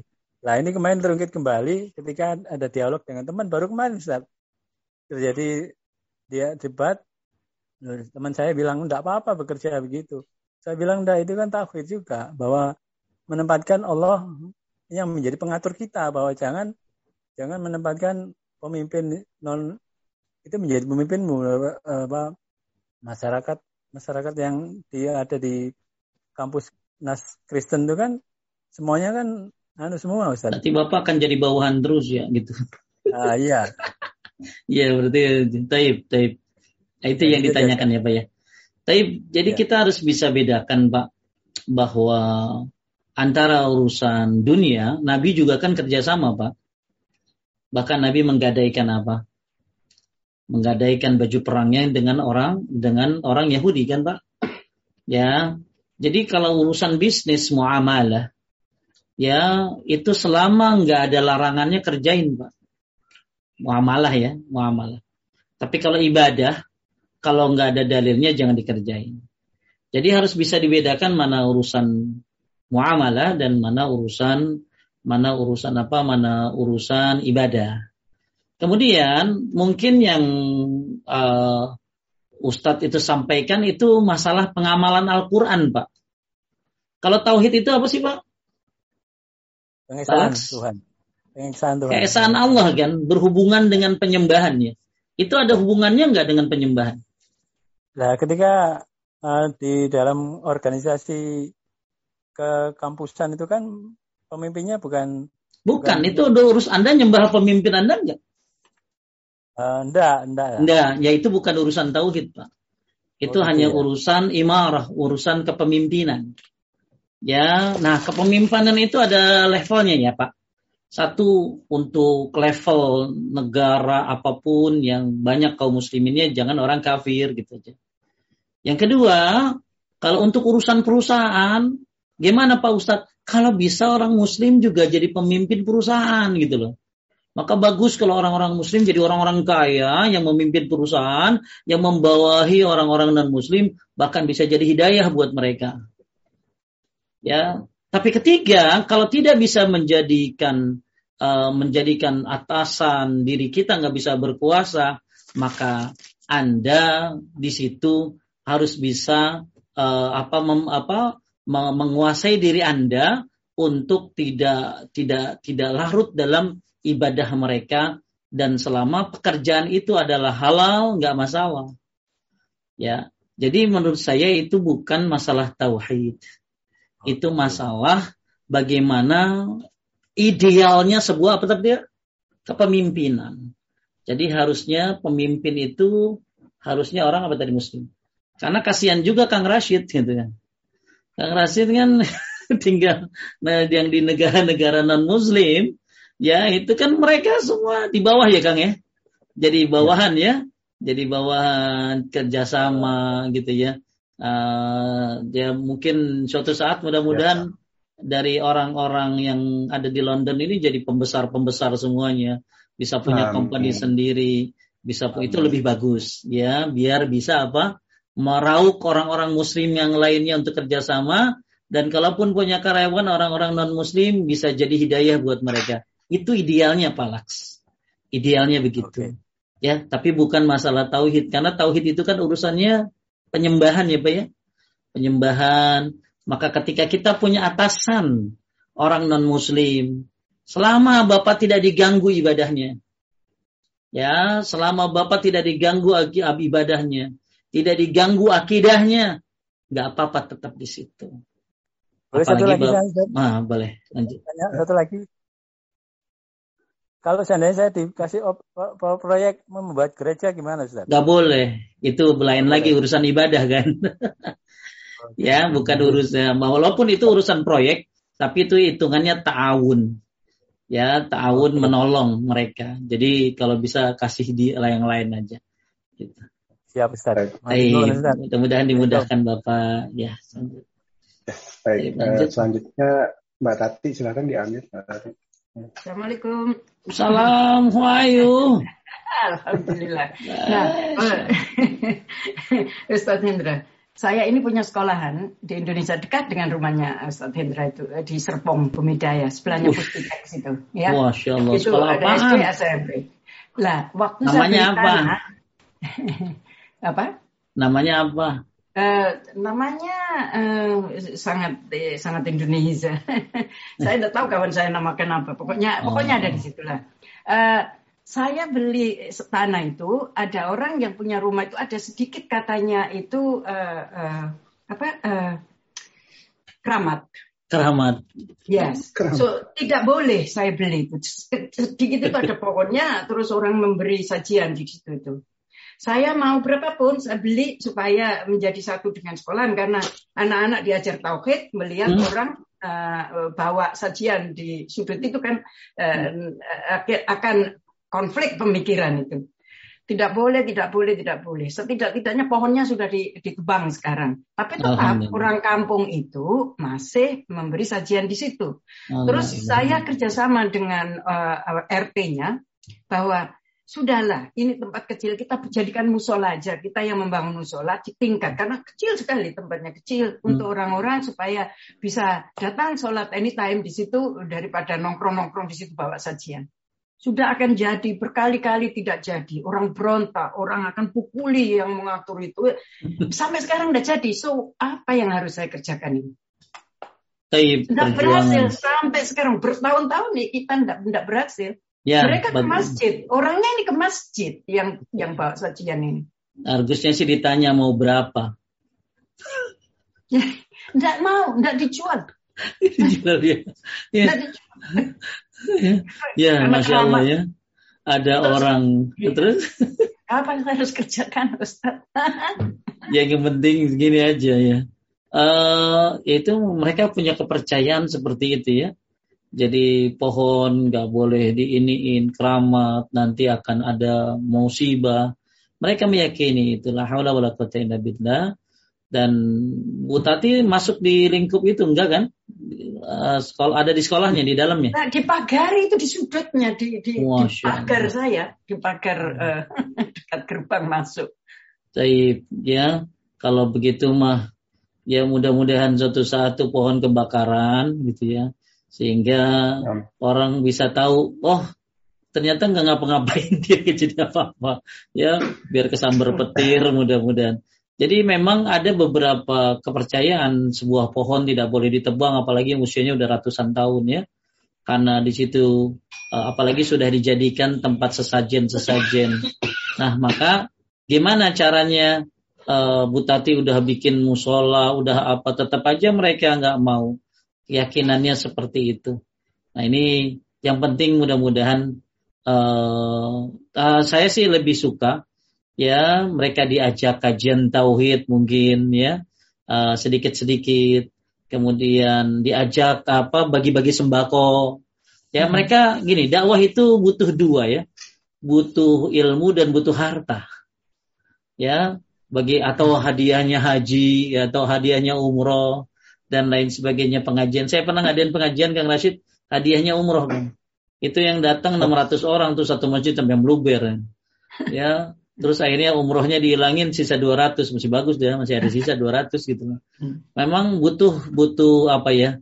Butuh eh, butuh perjuangan tapi menurut saya perjuangannya harus dengan kalau pakai kekerasan mereka lawan tapi mungkin pakai harta lebih tepat lebih cocok ya pakai harta misalnya dengan mengadakan apa ya ya itu tadi bakso atau apa pokoknya mereka akhirnya jadi jadi jadi jadi jadi jadi senang dengan segala kegiatan kita. Suatu saat kalau sudah dipegang, sudah senang, ya sambil nunggu yang yang tua-tua meninggal bu, ya. Sambil tua-tua meninggal. Mudah-mudahan generasi selanjutnya tidak seperti itu. Ya memang saya juga bingung eh, menuntaskan seperti itu. Karena hubungannya kekerasan biasanya bu. Kecuali ada eh, ada apa sih dari pemerintah ya, dari pemerintah. Kan dulu kuburan aja dijagain sampai banyak korban bu. Pernah ya? Ada sebuah kuburan dibela-bedain sampai luar biasa terjadinya apa? Terjadinya pertumpahan darah dengan sebab seperti itu. Maka mudah-mudahan dengan dakwah yang lemah lembut, dengan suka memberikan hadiah, suka memberikan apa ya, nah apalah uh, apa namanya sembako kepada masyarakat sekitarnya. Mudah-mudahan suatu saat mereka akan akan terkuasai hatinya, ya terkuasai hatinya sehingga kalau udah suka maka akhirnya jadi denger. Ya, kalau udah biasanya itu saya dulu dakwah di Bantar Gebang Pak Rashid. Itu ya hmm. susah ya. Kecuali pakai karena berlomba-lomba orang di situ. Ya, saya lihat ada anak kecil pakai tas yang punya orang non muslim. Kemudian saya ambil saya saya minta nggak mau. Nah, ini apa yang saya lakukan? Saya beli tas yang lebih bagus, baru saya kasih. Wah, baru dia mau kasih yang punya dia. Nah, ini jadi harus ada ada suatu apa ya? Mungkin harus timbal ada balik. ya timbal balik dari mereka itu. Ya itulah iya. kadang-kadang ada orang yang bisa dikuasai. Maka pentingnya uh, kerjasama dengan para umara, dengan para orang-orang kaya. Orang kaya ditaklukkan hatinya dengan ilmu, orang miskin ditaklukkan hatinya dengan harta. Dulu hmm. ada orang masuk Islam karena dapat kambing.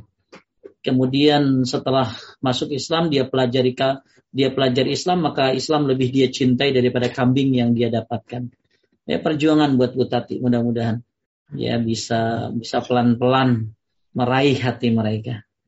Wallahu a'lam. Baik, iya. Baik, semoga Allah memudahkan usahanya Hmm. Baik, saya sebelum ke penanya langsung, saya tanya dari penitip ya. Mohon maaf ini ke Mbak Ida dan Mbak Tini. Bismillahirrahmanirrahim. Izin bertanya Ustaz. Apakah boleh kalau saya berdoa dan berharap kepada Allah untuk menjadi anak yang soleha dan menjadi syafaat untuk kedua orang tua saya di dunia dan akhirat. Saya selalu mengatakan hal tersebut, Ustaz. Mohon penjelasannya.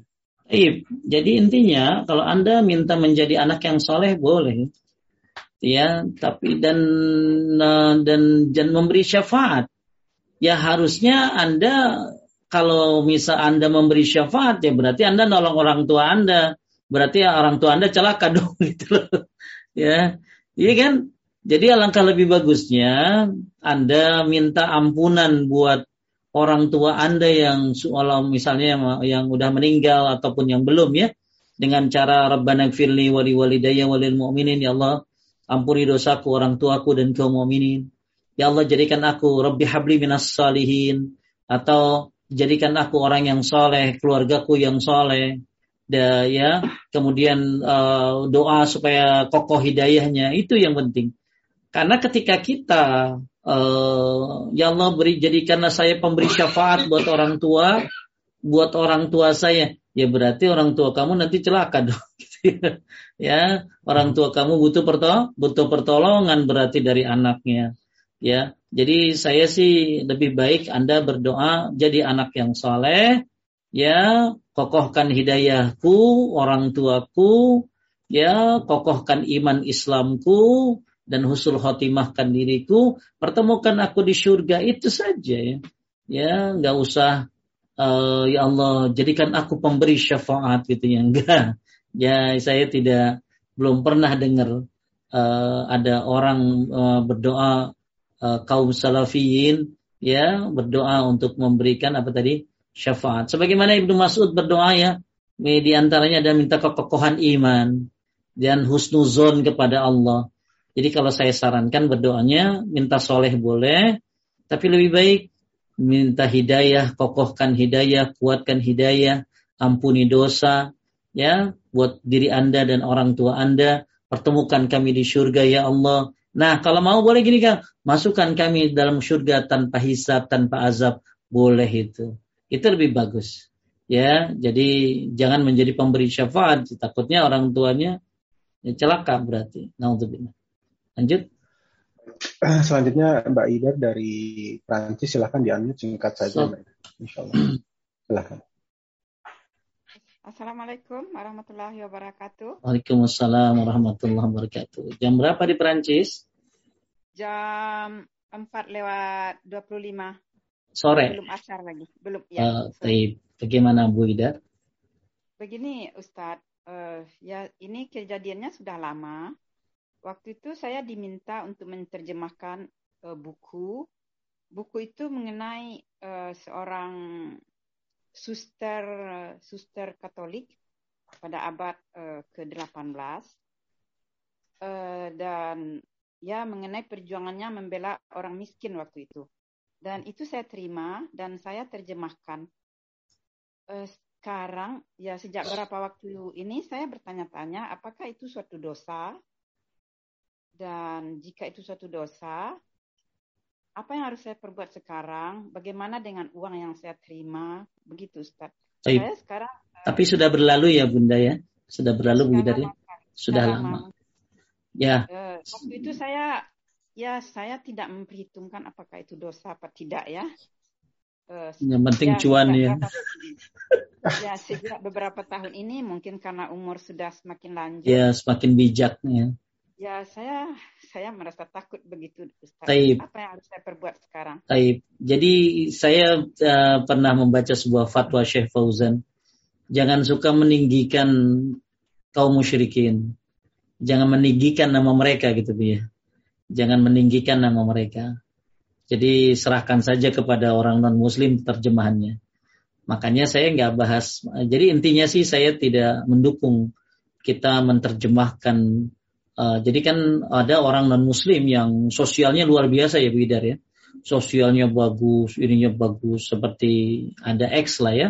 Banyak yang saya tahu. Tapi mereka bukan orang beriman. Maka lebih baik untuk penerjemahan begitu diserahkan kepada agama mereka ya nggak usah kita karena kita hanya tidak ingin meninggikan nama mereka sehingga mereka dikenal yang ditakutkan ada orang-orang Kang Rashid yang meninggi-ninggikan orang-orang kafir sehingga akhirnya terpaut hati mereka dengan orang tersebut. Nah ini yang ditakutkan. Tuh hebat ya, kita contoh dia ya. Kalau contohnya sosialnya bagus ya. Tapi kalau contohnya akhirnya akhirnya oh yang penting semua agama itu jadi jadi yang penting baiknya Benar. maka ini pengaruh yang berbeda-beda pada setiap pembaca. Uh, makanya saya sarankan tidak diterima. Nah sekarang masalahnya kan pekerjaannya sudah berlalu uangnya pun sudah habis dan sekarang mungkin karena masa tua kita suka feedback tentang amal soleh. Intinya yang sudah berlalu ya sudah tinggal sekarang Butidar beristik menyadari satu kesalahannya, satu itu dua, satu. Yang kedua, ya bertekad untuk tidak mengulangi lagi. Kemudian banyak beristighfar kepada Allah Subhanahu wa taala. Ya, baca Sayyidul Istighfar setiap pagi sore. Ya, banyak baca Astaghfirullahalazim alladzi la ilaha illa huwal hayyul qayyum wa atubu ilaih. Pokoknya banyakin minta ampun kepada Allah kemudian apalagi lagi sujud baca doanya Allah maghfirli zanbi kullahu dikkahu wa jillahu wa awalahu akhiru alaniyata wa sirrahu ya Allah ampuni dosaku yang besar yang kecil yang awal yang akhir yang kelihatan dan yang tidak kelihatan. Bahkan saya sarankan kepada Bu Tidar mungkin nanti bisa minta ke Mbak Febi ya. Ada satu doa yang bagus dibaca sama ibu di sebelum salam. Allah maghfirli maqaddamtu wa ma akhartu wa ma asrartu wa ma adantu wa ma asraftu wa ma anta alamu bihi minni. Jadi ini minta ada minta ampun kepada Allah dari segala dosa, termasuk dosa yang dia tidak sadari dan hanya Allah yang tahu dosa itu. Karena ada hal-hal yang kadang menurut kita benar, tapi menurut Allah salah. Maka kita serahkan kepada Allah, kita minta ampun atau hal itu. Nanti doanya Bu Tidar di kebu ini ya ke Mbak Febi ya. Ya. Halo ya. Jadi Mbak Tidar uh, bertobat kepada Allah, jangan ulangi lagi. Kemudian banyak beristighfar, khususnya yang sebelum salam tadi kalau bisa ya. Kalau nggak bisa ya Sayyidul Istighfar dan istighfar-istighfar lainnya. Dan untuk harta yang sudah dimakan sudah tidak apa. Karena, karena, karena belum tahu. Karena belum tahu. Jadi beda kalau udah tahu lalu dia melakukan maka itu harus dikembalikan. Tapi kalau belum tahu sudah tidak tidak ada tidak ada tidak usah dikembalikan karena belum tahu. Insya Allah dimaafkan karena belum ada ilmunya. Mudah-mudahan uh, terus tobat kepada Allah. Kemudian yang sudah uh, hartanya ya sudah nggak usah dikembalikan karena belum punya ilmu pada saat itu. Semoga lebih baik lagi ke depan insya Allah. Amin. Amin. Terima kasih Ustaz. Sama-sama. Doanya ke Mbak Febi ya. Ya, Mbak ya, Febi ada di sini kan. Ya. Nanti kita ya. coba share ya. Kita yang share sebelum di... salam itu ya, yang sebelum salam bagus tuh. Ya. Taib. Lanjut. Uh, terima kasih. Uh, selanjutnya Shirley dari London silakan diunmute satu aja insya Allah. Alhamdulillah. Bismillahirrahmanirrahim. Assalamualaikum warahmatullahi wabarakatuh. Assalamualaikum warahmatullahi wabarakatuh. Ya, jazakallah kan Kasihan atas ilmunya. Sangat bermanfaat. Semoga menjadi pahala jariah bagi Ustadz dan melimpah segala karunia bagi Ustadz dan keluarga. Amin. Amin. Ahwan izin bertanya Ustadz. Uh, bagaimana hukum uh, bagi saudara-saudara muslim yang berasal dari Asia Selatan yang mereka meninggalkan negerinya uh, menuju uh, negara-negara imigran, tujuan imigran seperti Inggris ini dengan alasan ekonomi karena negara mereka adalah negara-negara miskin. Bila mereka bertahan di sana, mereka tidak dapat memperbaiki kehidupannya begitu. Sehingga mereka merasa perlu untuk meninggalkan negerinya dan mereka tinggal di negeri ini uh, berpuluh-puluh tahun, bergenerasi-generasi apakah mereka tetap diwajibkan untuk kembali ke negeri Muslim, ke negeri asalnya. Uh, sementara kalau menyimak dari hukum asalnya tentu uh, terlarang uh, tinggal di negeri uh, kafir hmm. dan berdasarkan penjelasan uh, Syekh uh, Islam ada lima keadaan uh, mungkin di negeri kafir dan sepertinya tidak ada yang masuk dalam kelima alasan itu kecuali yang antara lain yang misalnya berdakwah begitu ya. Nah, hmm kalau sekiranya para ulama itu berdakwah tapi tidak ada komunitasnya, tentu perkembangan Islam juga tidak bisa uh, tidak bisa maju. Iya, demikian hmm. Ustaz. Nah, ini bagaimana hukumnya bagi mereka termasuk para saudara-saudari kita uh, muslimah yang menikah dengan warga negara asing di sini tapi kemudian menjadi mualaf suaminya. Atau yang mualaf tapi menikah dengan warga negara uh, uh, uh, Inggris tapi mereka Muslim. Ini bagaimana hukumnya? Apakah mereka tetap harus wajib meninggalkan negeri ini? Oh iya, masya Allah. Bapak Ibu sekalian dimuliakan Allah ada dua syarat utama ketika uh, apa orang tinggal di menetap di negeri kafir. Yang pertama merasa aman dengan agamanya. Ini penting. Merasa aman dengan agamanya. Maksudnya gimana? Hendaknya ia memiliki ilmu itu penting ya buat semuanya yang tinggal di negeri non muslim. Ini penting banget. Uh, ada dua syarat utama. Yang pertama merasa aman dengan agamanya. Maksudnya gimana? Hendaknya ia memiliki apa? Ilmu kemudian iman dan kemauan yang kuat yang apa sih? Kemauan yang teguh dengan agamanya. Ya uh, ini penting bagi orang yang uh, tinggal di negara non-Muslim untuk merasa aman dengan agamanya. Jangan sampai agamanya ini akhirnya terkoyak oleh apa keadaan. Kemudian dan dan bagaimana uh, hukum? Uh, makanya saya sarankan ya untuk yang tinggal di sana itu bukan hanya mencari nafkah ya, tapi sisipkan dakwah di sana. Saya ulangi. Ya, sisipkan dakwah di sana. Sisipkan niatmu bukan hanya sekadar mencari maisha, tapi berdakwah kepada orang-orang non-muslim. Bukankah Indonesia dulu juga banyak mayoritas apa? Kang Rashid? Eh, Mbak Hindu. Hindu kan? Datang pedagang-pedagang dari Arab. Ya, Makanya uh, penting saya sih berharap ya. Tapi karena kedengarannya UK ini udah luar biasa ya. Banyak orang-orang Arab yang berdakwah di sana. Bahkan ada ibu-ibu yang bilang begini sama saya. Jangan ke UK Pak Ustadz. Di sana mah udah banyak orang dakwah. Orang Arab pada datang ke. Ini kan ke Jepang sono. Ya jarang tuh orang Arab di Jepang mah. Jarang orang dakwah di Jepang mah. Oh gitu ya Bu ya ya saya hormati uh, ibu itu memberikan saran. Karena orang-orang Arab ini ternyata atau orang-orang yang yang dari negara-negara Muslim ini uh, jangan sampai mereka datang ke negeri negeri non Muslim ini ternyata hanya sekedar apa tadi Maisha. Tinggal diperbaharui aja coba niatnya. Tinggal diperbaharui niatnya bahwa saya di sini pengen berdakwah. Saya pengen berdakwah Ya, jadi pastikan bahwa uh, Anda aman agama Anda. Kemudian yang kedua, Anda tidak dilarang dalam beribadah. Ya, tidak dilarang dalam beribadah.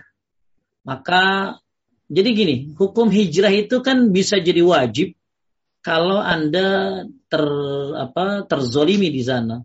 Ya, nggak bisa ibadah, nggak bisa nggak bisa menjalankan kewajiban, nggak bisa puasa, Anda harus wajib hijrah dari situ.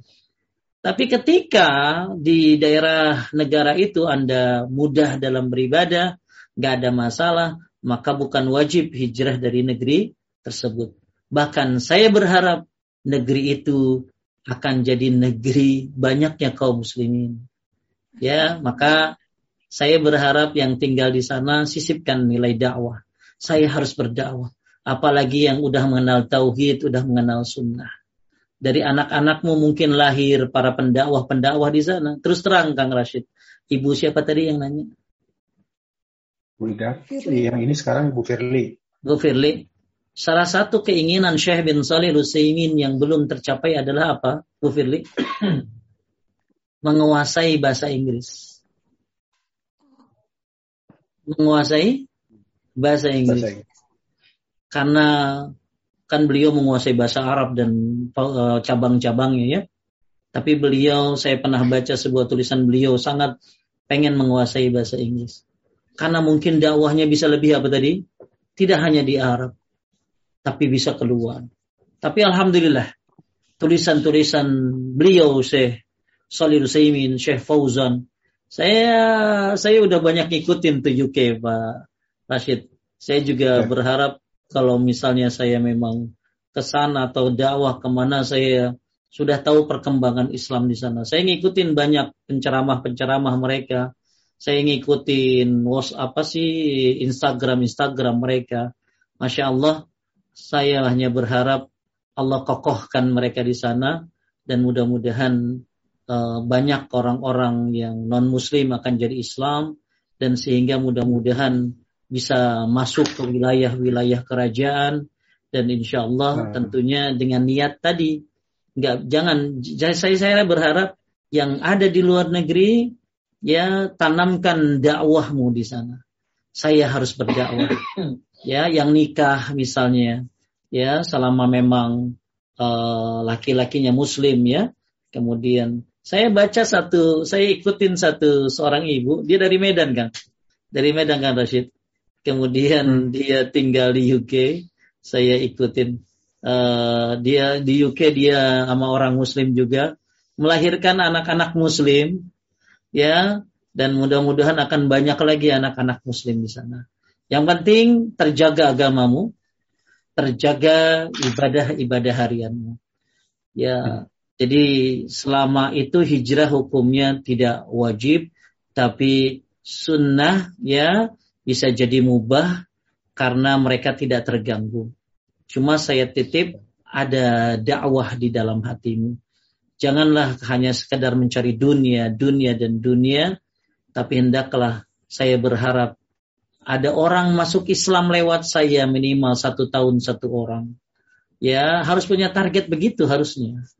Ya Ibnul Jauzi telah mengislamkan orang Yahudi dan Nasrani itu hampir 2000 orang ya. Dan orang-orang yang taubat lewat Ibnu Jauzi itu hampir 10 ribu orang. Luar biasa onta merah. Onta merah ya. Onta merah ini maksudnya adalah orang kalau bisa dapat ngasih hidayah sama orang lain. Maka tanamkan hidayah di dalam eh tanamkan dakwah dakwah dakwah. Anda harus contohkan. Maka saya banyak ngasih saran nama pelajar-pelajar yang mau ke mau kuliah di di UK, di Australia, saya kasih saran apa Kang Rashid? Tunjukkan Islam kepada mereka. Tunjukkan Islam kepada mereka.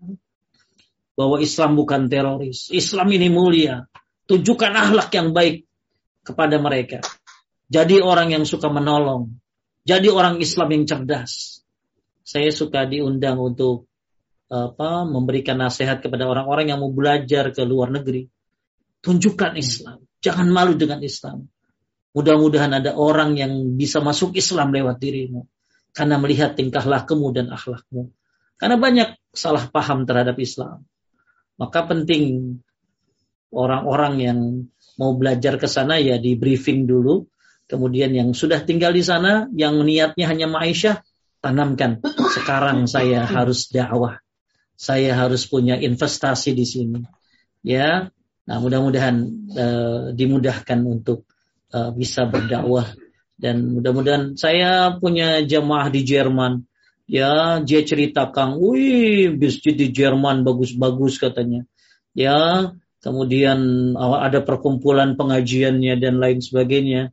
Ya, uh, mudah-mudahan sunnah udah masuk ke sana. Ya, di Belanda malah sudah ada masjid yang sunnah, masya Allah. Ya, di Paris juga di mana-mana Islam sudah tersebar. Lewat siapa? Lewat para pendatang lewat para pendatang. Awalnya mungkin komunitas-komunitas kecil dari negeri mereka masing-masingnya, lama-lama melebar, lama-lama melebar. Maka ayo sebarkan Islam di mana pun kamu berada. Ya, insya Allah uh, ini menjadi sebuah apa ya, sebuah perjuangan buat semuanya insya Allah. Ya, Taib lanjut.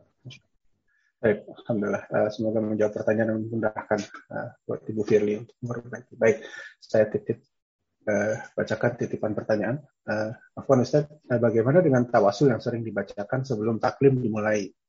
Apakah itu benar atau syirik? Mohon penjelasannya sebab kalau mengikuti taklim di sekitar rumah, selalu dibacakan tawasul dengan hadiah fatihah, dengan kata-kata Bismillah, al-qadir jalani, dan sebagainya. Itu bagaimana Ustaz? Baik, kita keep pertanyaannya. Tawasul ini ada macam modelnya ya. Ada tawasul yang syar'i, ada yang tawasul yang syirki. Kalau tawasul yang syar'i itu tawasul dengan amal soleh diri sendiri. Ya Allah dengan sedekahku bebaskan aku dari neraka itu tawasul yang syar'i. Tawasul yang syar'i, tawasul dengan amal soleh, yang tawasul yang syar'i, tawasul dengan amal dengan doa dari orang yang soleh yang masih hidup. Anda punya orang tua minta doanya, Anda punya punya teman yang soleh minta doanya, ya nggak apa-apa selama dia masih hidup. Tawasul yang syari saya ulangi, tawasul dengan amal soleh diri sendiri, bukan tawasul amal orang lain ya. Kalau anda baca ilah hadrati Abdul Qadir Jailani, ya ilah ini dan anda tawasul dengan amal orang soleh orang lain ya. Jadi tawasullah satu dengan tawasul amal soleh diri sendiri.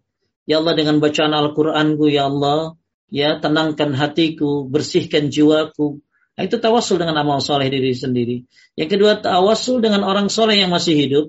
Ya tawasul dengan orang soleh yang masih hidup dibolehkan.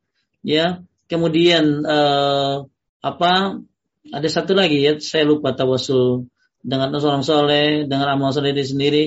Satu lagi uh, saya lupa. Nah kalau tawasul tawasul yang berkembang ya itu kadang-kadang tawasulnya itu tawasul kirim jadi tawasul di sini jadi yang disebut tawasul itu apa sih gitu loh? Tawasul itu kan jalan. Ya makanya wabtagi wabtagi ilaihil wasilah. Hendaklah kalian mencari wasilah. Wasilah ini apa? Wasilah ini kata Ibnu Katsir ya amal soleh gitu loh. Jadi tawasul itu ya dengan amal soleh. Ya dengan baca Quran, dengan sholat. Yang dilakukan oleh diri sendiri. Itu namanya tawasul. Cuman kalau di yang tersebar ya itu tawasulnya begini. Ila hadrati Syekh Abdul Qadir Jailani ila hadrati Syekh Saman ila hadrati ini ini fulan fulan fulan fulan fulan gitu. Al-Fatihah. Nah yang pertama mereka ini bertawasulnya ini kepada orang yang sudah mati. Jadi tawasul itu harusnya dengan orang soleh yang masih hidup kalau orang mati bukan dibacain Al-Fatihah sebenarnya yang bagus orang mati itu dibacakan doa dimintakan ampun, dimintakan rahmat, Allah magfirlahu warhamhu, ya wa'afi wa'afu anhu. Walaupun ada ikhtilaf tentang membacakan hukum bacakan Al-Quran buat orang yang sudah mati, tapi yang rajih insya Allah bahwa uh, dalam Al-Quran Allah berfirman uh, dalam surat Yasin ya, ya apa bahwa uh, apa Al-Quran itu dibacakan uh, liunziru man kana hayyan Yunzira man kana hayyan Al-Quran itu peringatan buat yang hidup gitu loh. Jadi kalau membacakan uh, Al-Fatihah kepada orang yang mati kurang tepat, lebih baik didoakan orang yang sudah meninggal. Ya. Nah, tapi kalau yang tawasul, mereka tawasul itu kirim-kirim mereka tuh kirim-kirim paha apa uh, ila hadoti Syekh Abdul Qadir Jailani ini tawasul kepada orang yang mati. Ini kalau dia minta kepada Syekh Abdul Qadir Jailani ya syirik. Ya kalau minta ya kalau minta. Ya kalau meminta. Maka eh, ini bisa menyebabkan kesyirikan. Oleh karena itu tawasullah dengan amal soleh diri sendiri kemudian tawasullah dengan orang soleh yang masih yang masih yang masih hidup ya. Jangan tawasul dengan orang soleh yang sudah meninggal dunia. Orang yang meninggal dunia nggak usah ditawasulin ya. Cukup orang soleh yang sudah meninggal didoakan mintakan rahmat dan ampunan. Wallahu alam. Uh, selanjutnya. Assalamualaikum warahmatullahi wabarakatuh Ustaz. Uh, Ustaz. Bagaimana jika bekerja di rumah orang non muslim sering kali memasak masakan daging babi untuk mereka makan dan membantu membersihkan tempat ibadah mereka. Jazakallah khair. Tapi kalau Nabi punya pembantu orang Yahudi ada. Ya, Nabi punya pembantu orang Yahudi ada. Ya, bahkan Nabi akhirnya mengislamkan orang Yahudi itu ketika sakitnya. Tapi hmm. kalau seorang muslim bekerja uh, dan bersentuhan dengan yang haram seperti babi, ya saya tidak tidak tidak menganjurkannya karena dia um, apa membantu sesuatu yang haram. Ya seperti menjual minum apa minuman-minuman keras maka tidak ya maka itu tidak boleh. Ya apalagi dia membersihkan apa tempat ibadah mereka ya. Nah, lebih baik e, cari pekerjaan yang bersifat umum. Jangan bersifat tempat ibadah atau bersifat apa memberikan mudarat kepada orang lain dengan menjual babi dan lain sebagainya. Maka ditakutkan itu ta'awun namanya. Ya, ta'awun. Insyaallah Kang Rasid, wah ini yang penting buat kita semuanya ya. Yang tugas yang ada di luar negeri. Saya waktu di luar negeri misalnya di Mekah misalnya ya. Kita itu berebutan nyari orang Kang supaya ikut pengajian yang sunnah jangan ikuti kajian yang gak sunnah.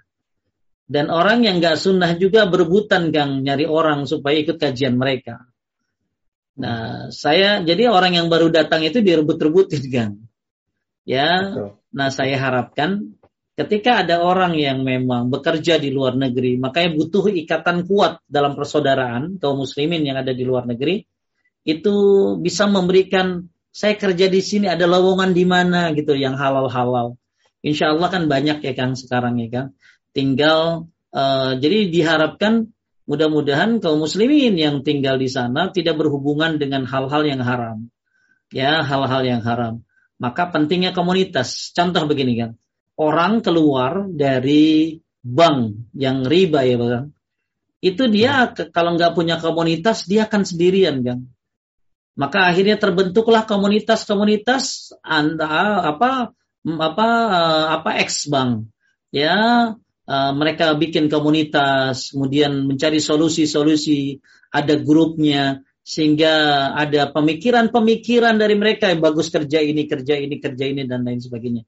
Maka mudah-mudahan mereka orang-orang yang kerjanya bersentuhan dengan yang haram ya itu bisa dapat solusi dari grup kaum muslimin Oh, Bapak butuh kerja ya?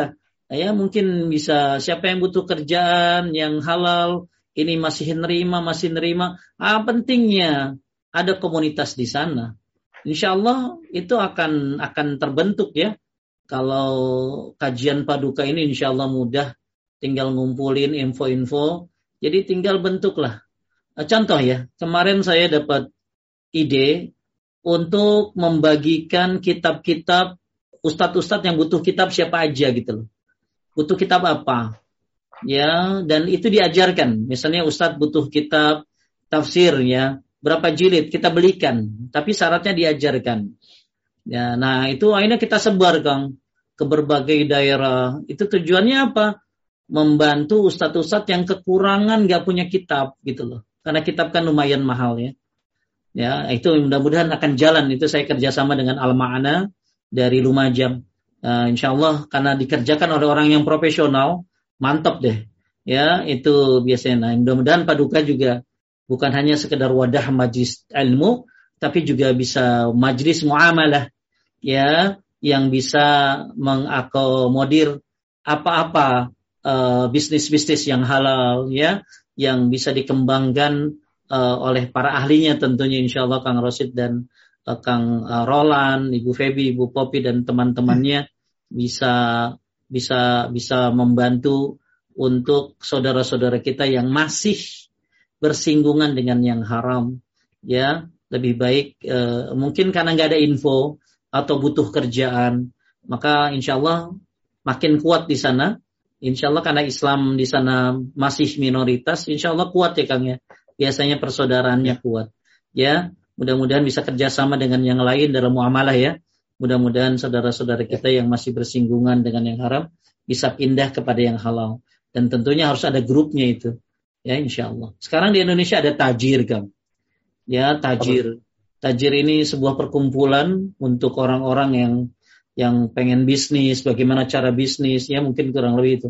Ada lagi izah, banyak gitu loh. Ya, yang pengen tahu, oh pokoknya cara-cara cara-cara bisnis, mungkin ini bagaimana halal haram.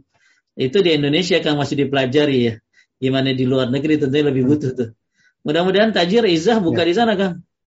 Buka di London. Nanti buka Kang Rashid kalau pengen kontak personnya. Ah, Riki kan pernah ketemu sama Riki ya. Akhir Riki. Oh, Riki. Oh. Ya Riki itu tajir dia itu. Ikut tajir.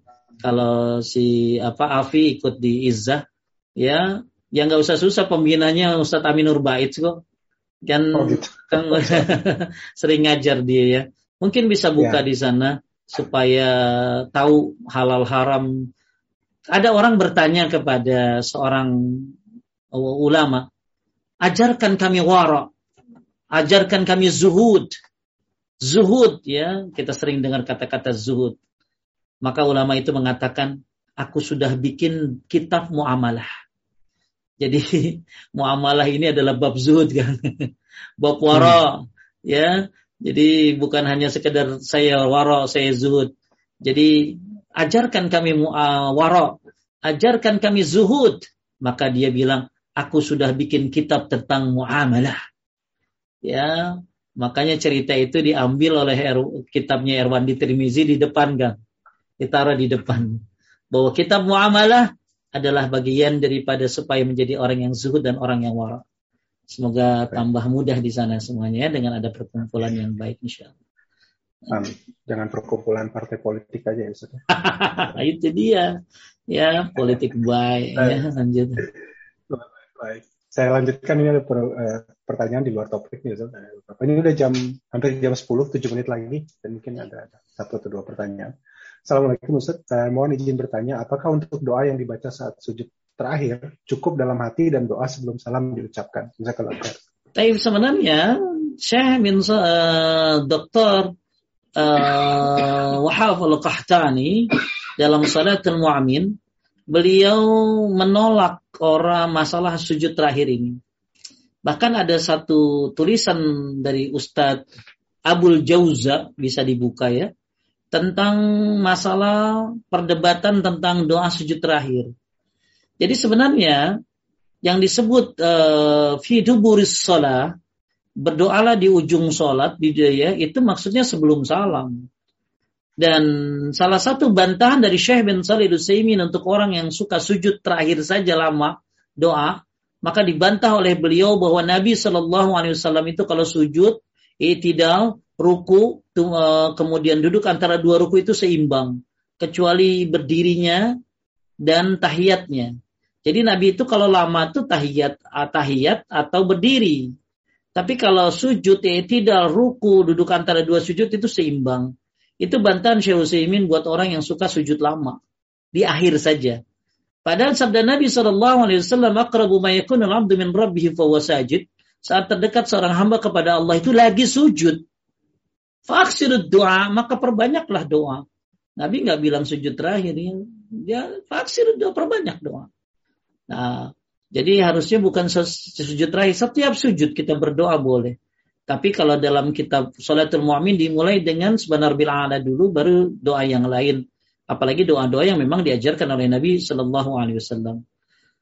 Kemudian sebelum salam ya dan doa sujud ya kalau dari bahasa Arab, dari Quran Sunnah sampai saya Utsaimin membolehkan doa lagi sujud itu dengan boleh nggak lagi sujud baca salawat? Boleh karena salawat adalah doa kata beliau. Jadi intinya boleh dilafazkan ya kalau lagi sujud doa dengan Quran dan Sunnah. Nah kalau sebelum salam juga dilafazkan malah doa sebelum salam itu di kitab Salatul Mu'min itu ada 13 sih. Ada 13 doa sebelum salam itu. Banyak doa sebelum salam itu. Nah yang disebut duburis sholat, ujung sholat itu sebelum salam harusnya.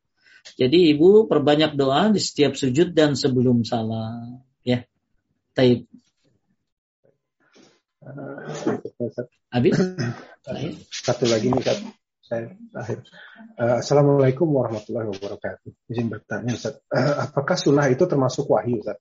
Jika iya, apakah ada dasar dalilnya? Iya, sunnah itu termasuk wahyu. Apa dalilnya? Wa ma yantiqu 'anil hawa in huwa illa wahyu yuha. Apa yang diucapkan oleh Nabi Shallallahu Alaihi Wasallam itu bukan dari nafsunya, tapi illa wahyu yuha itu adalah wahyu. Ya, jadi itu dalilnya. Wa ma yantiqu 'anil hawa in huwa illa wahyu yuha. Apa yang diucapkan oleh Nabi Shallallahu alaihi wasallam itu bukan berdasarkan nafsunya, tapi itu adalah wahyu. Jadi, apakah sunnah itu wahyu? Ya, sunnah itu wahyu. Ya, oleh karena itu penting e, memilah memilih karena hadis ini ada banyak model ya. Ada banyak, ada yang sahih, ada yang hasan, ada yang palsu, ada yang mau, ada yang doaif, dan lain-lain. Maka carilah yang hasan dan yang sahih tentunya yang utama. Ya, jadi uh, periwayatan yang sahih itulah yang wahyu. Jadi sunnah adalah wahyu.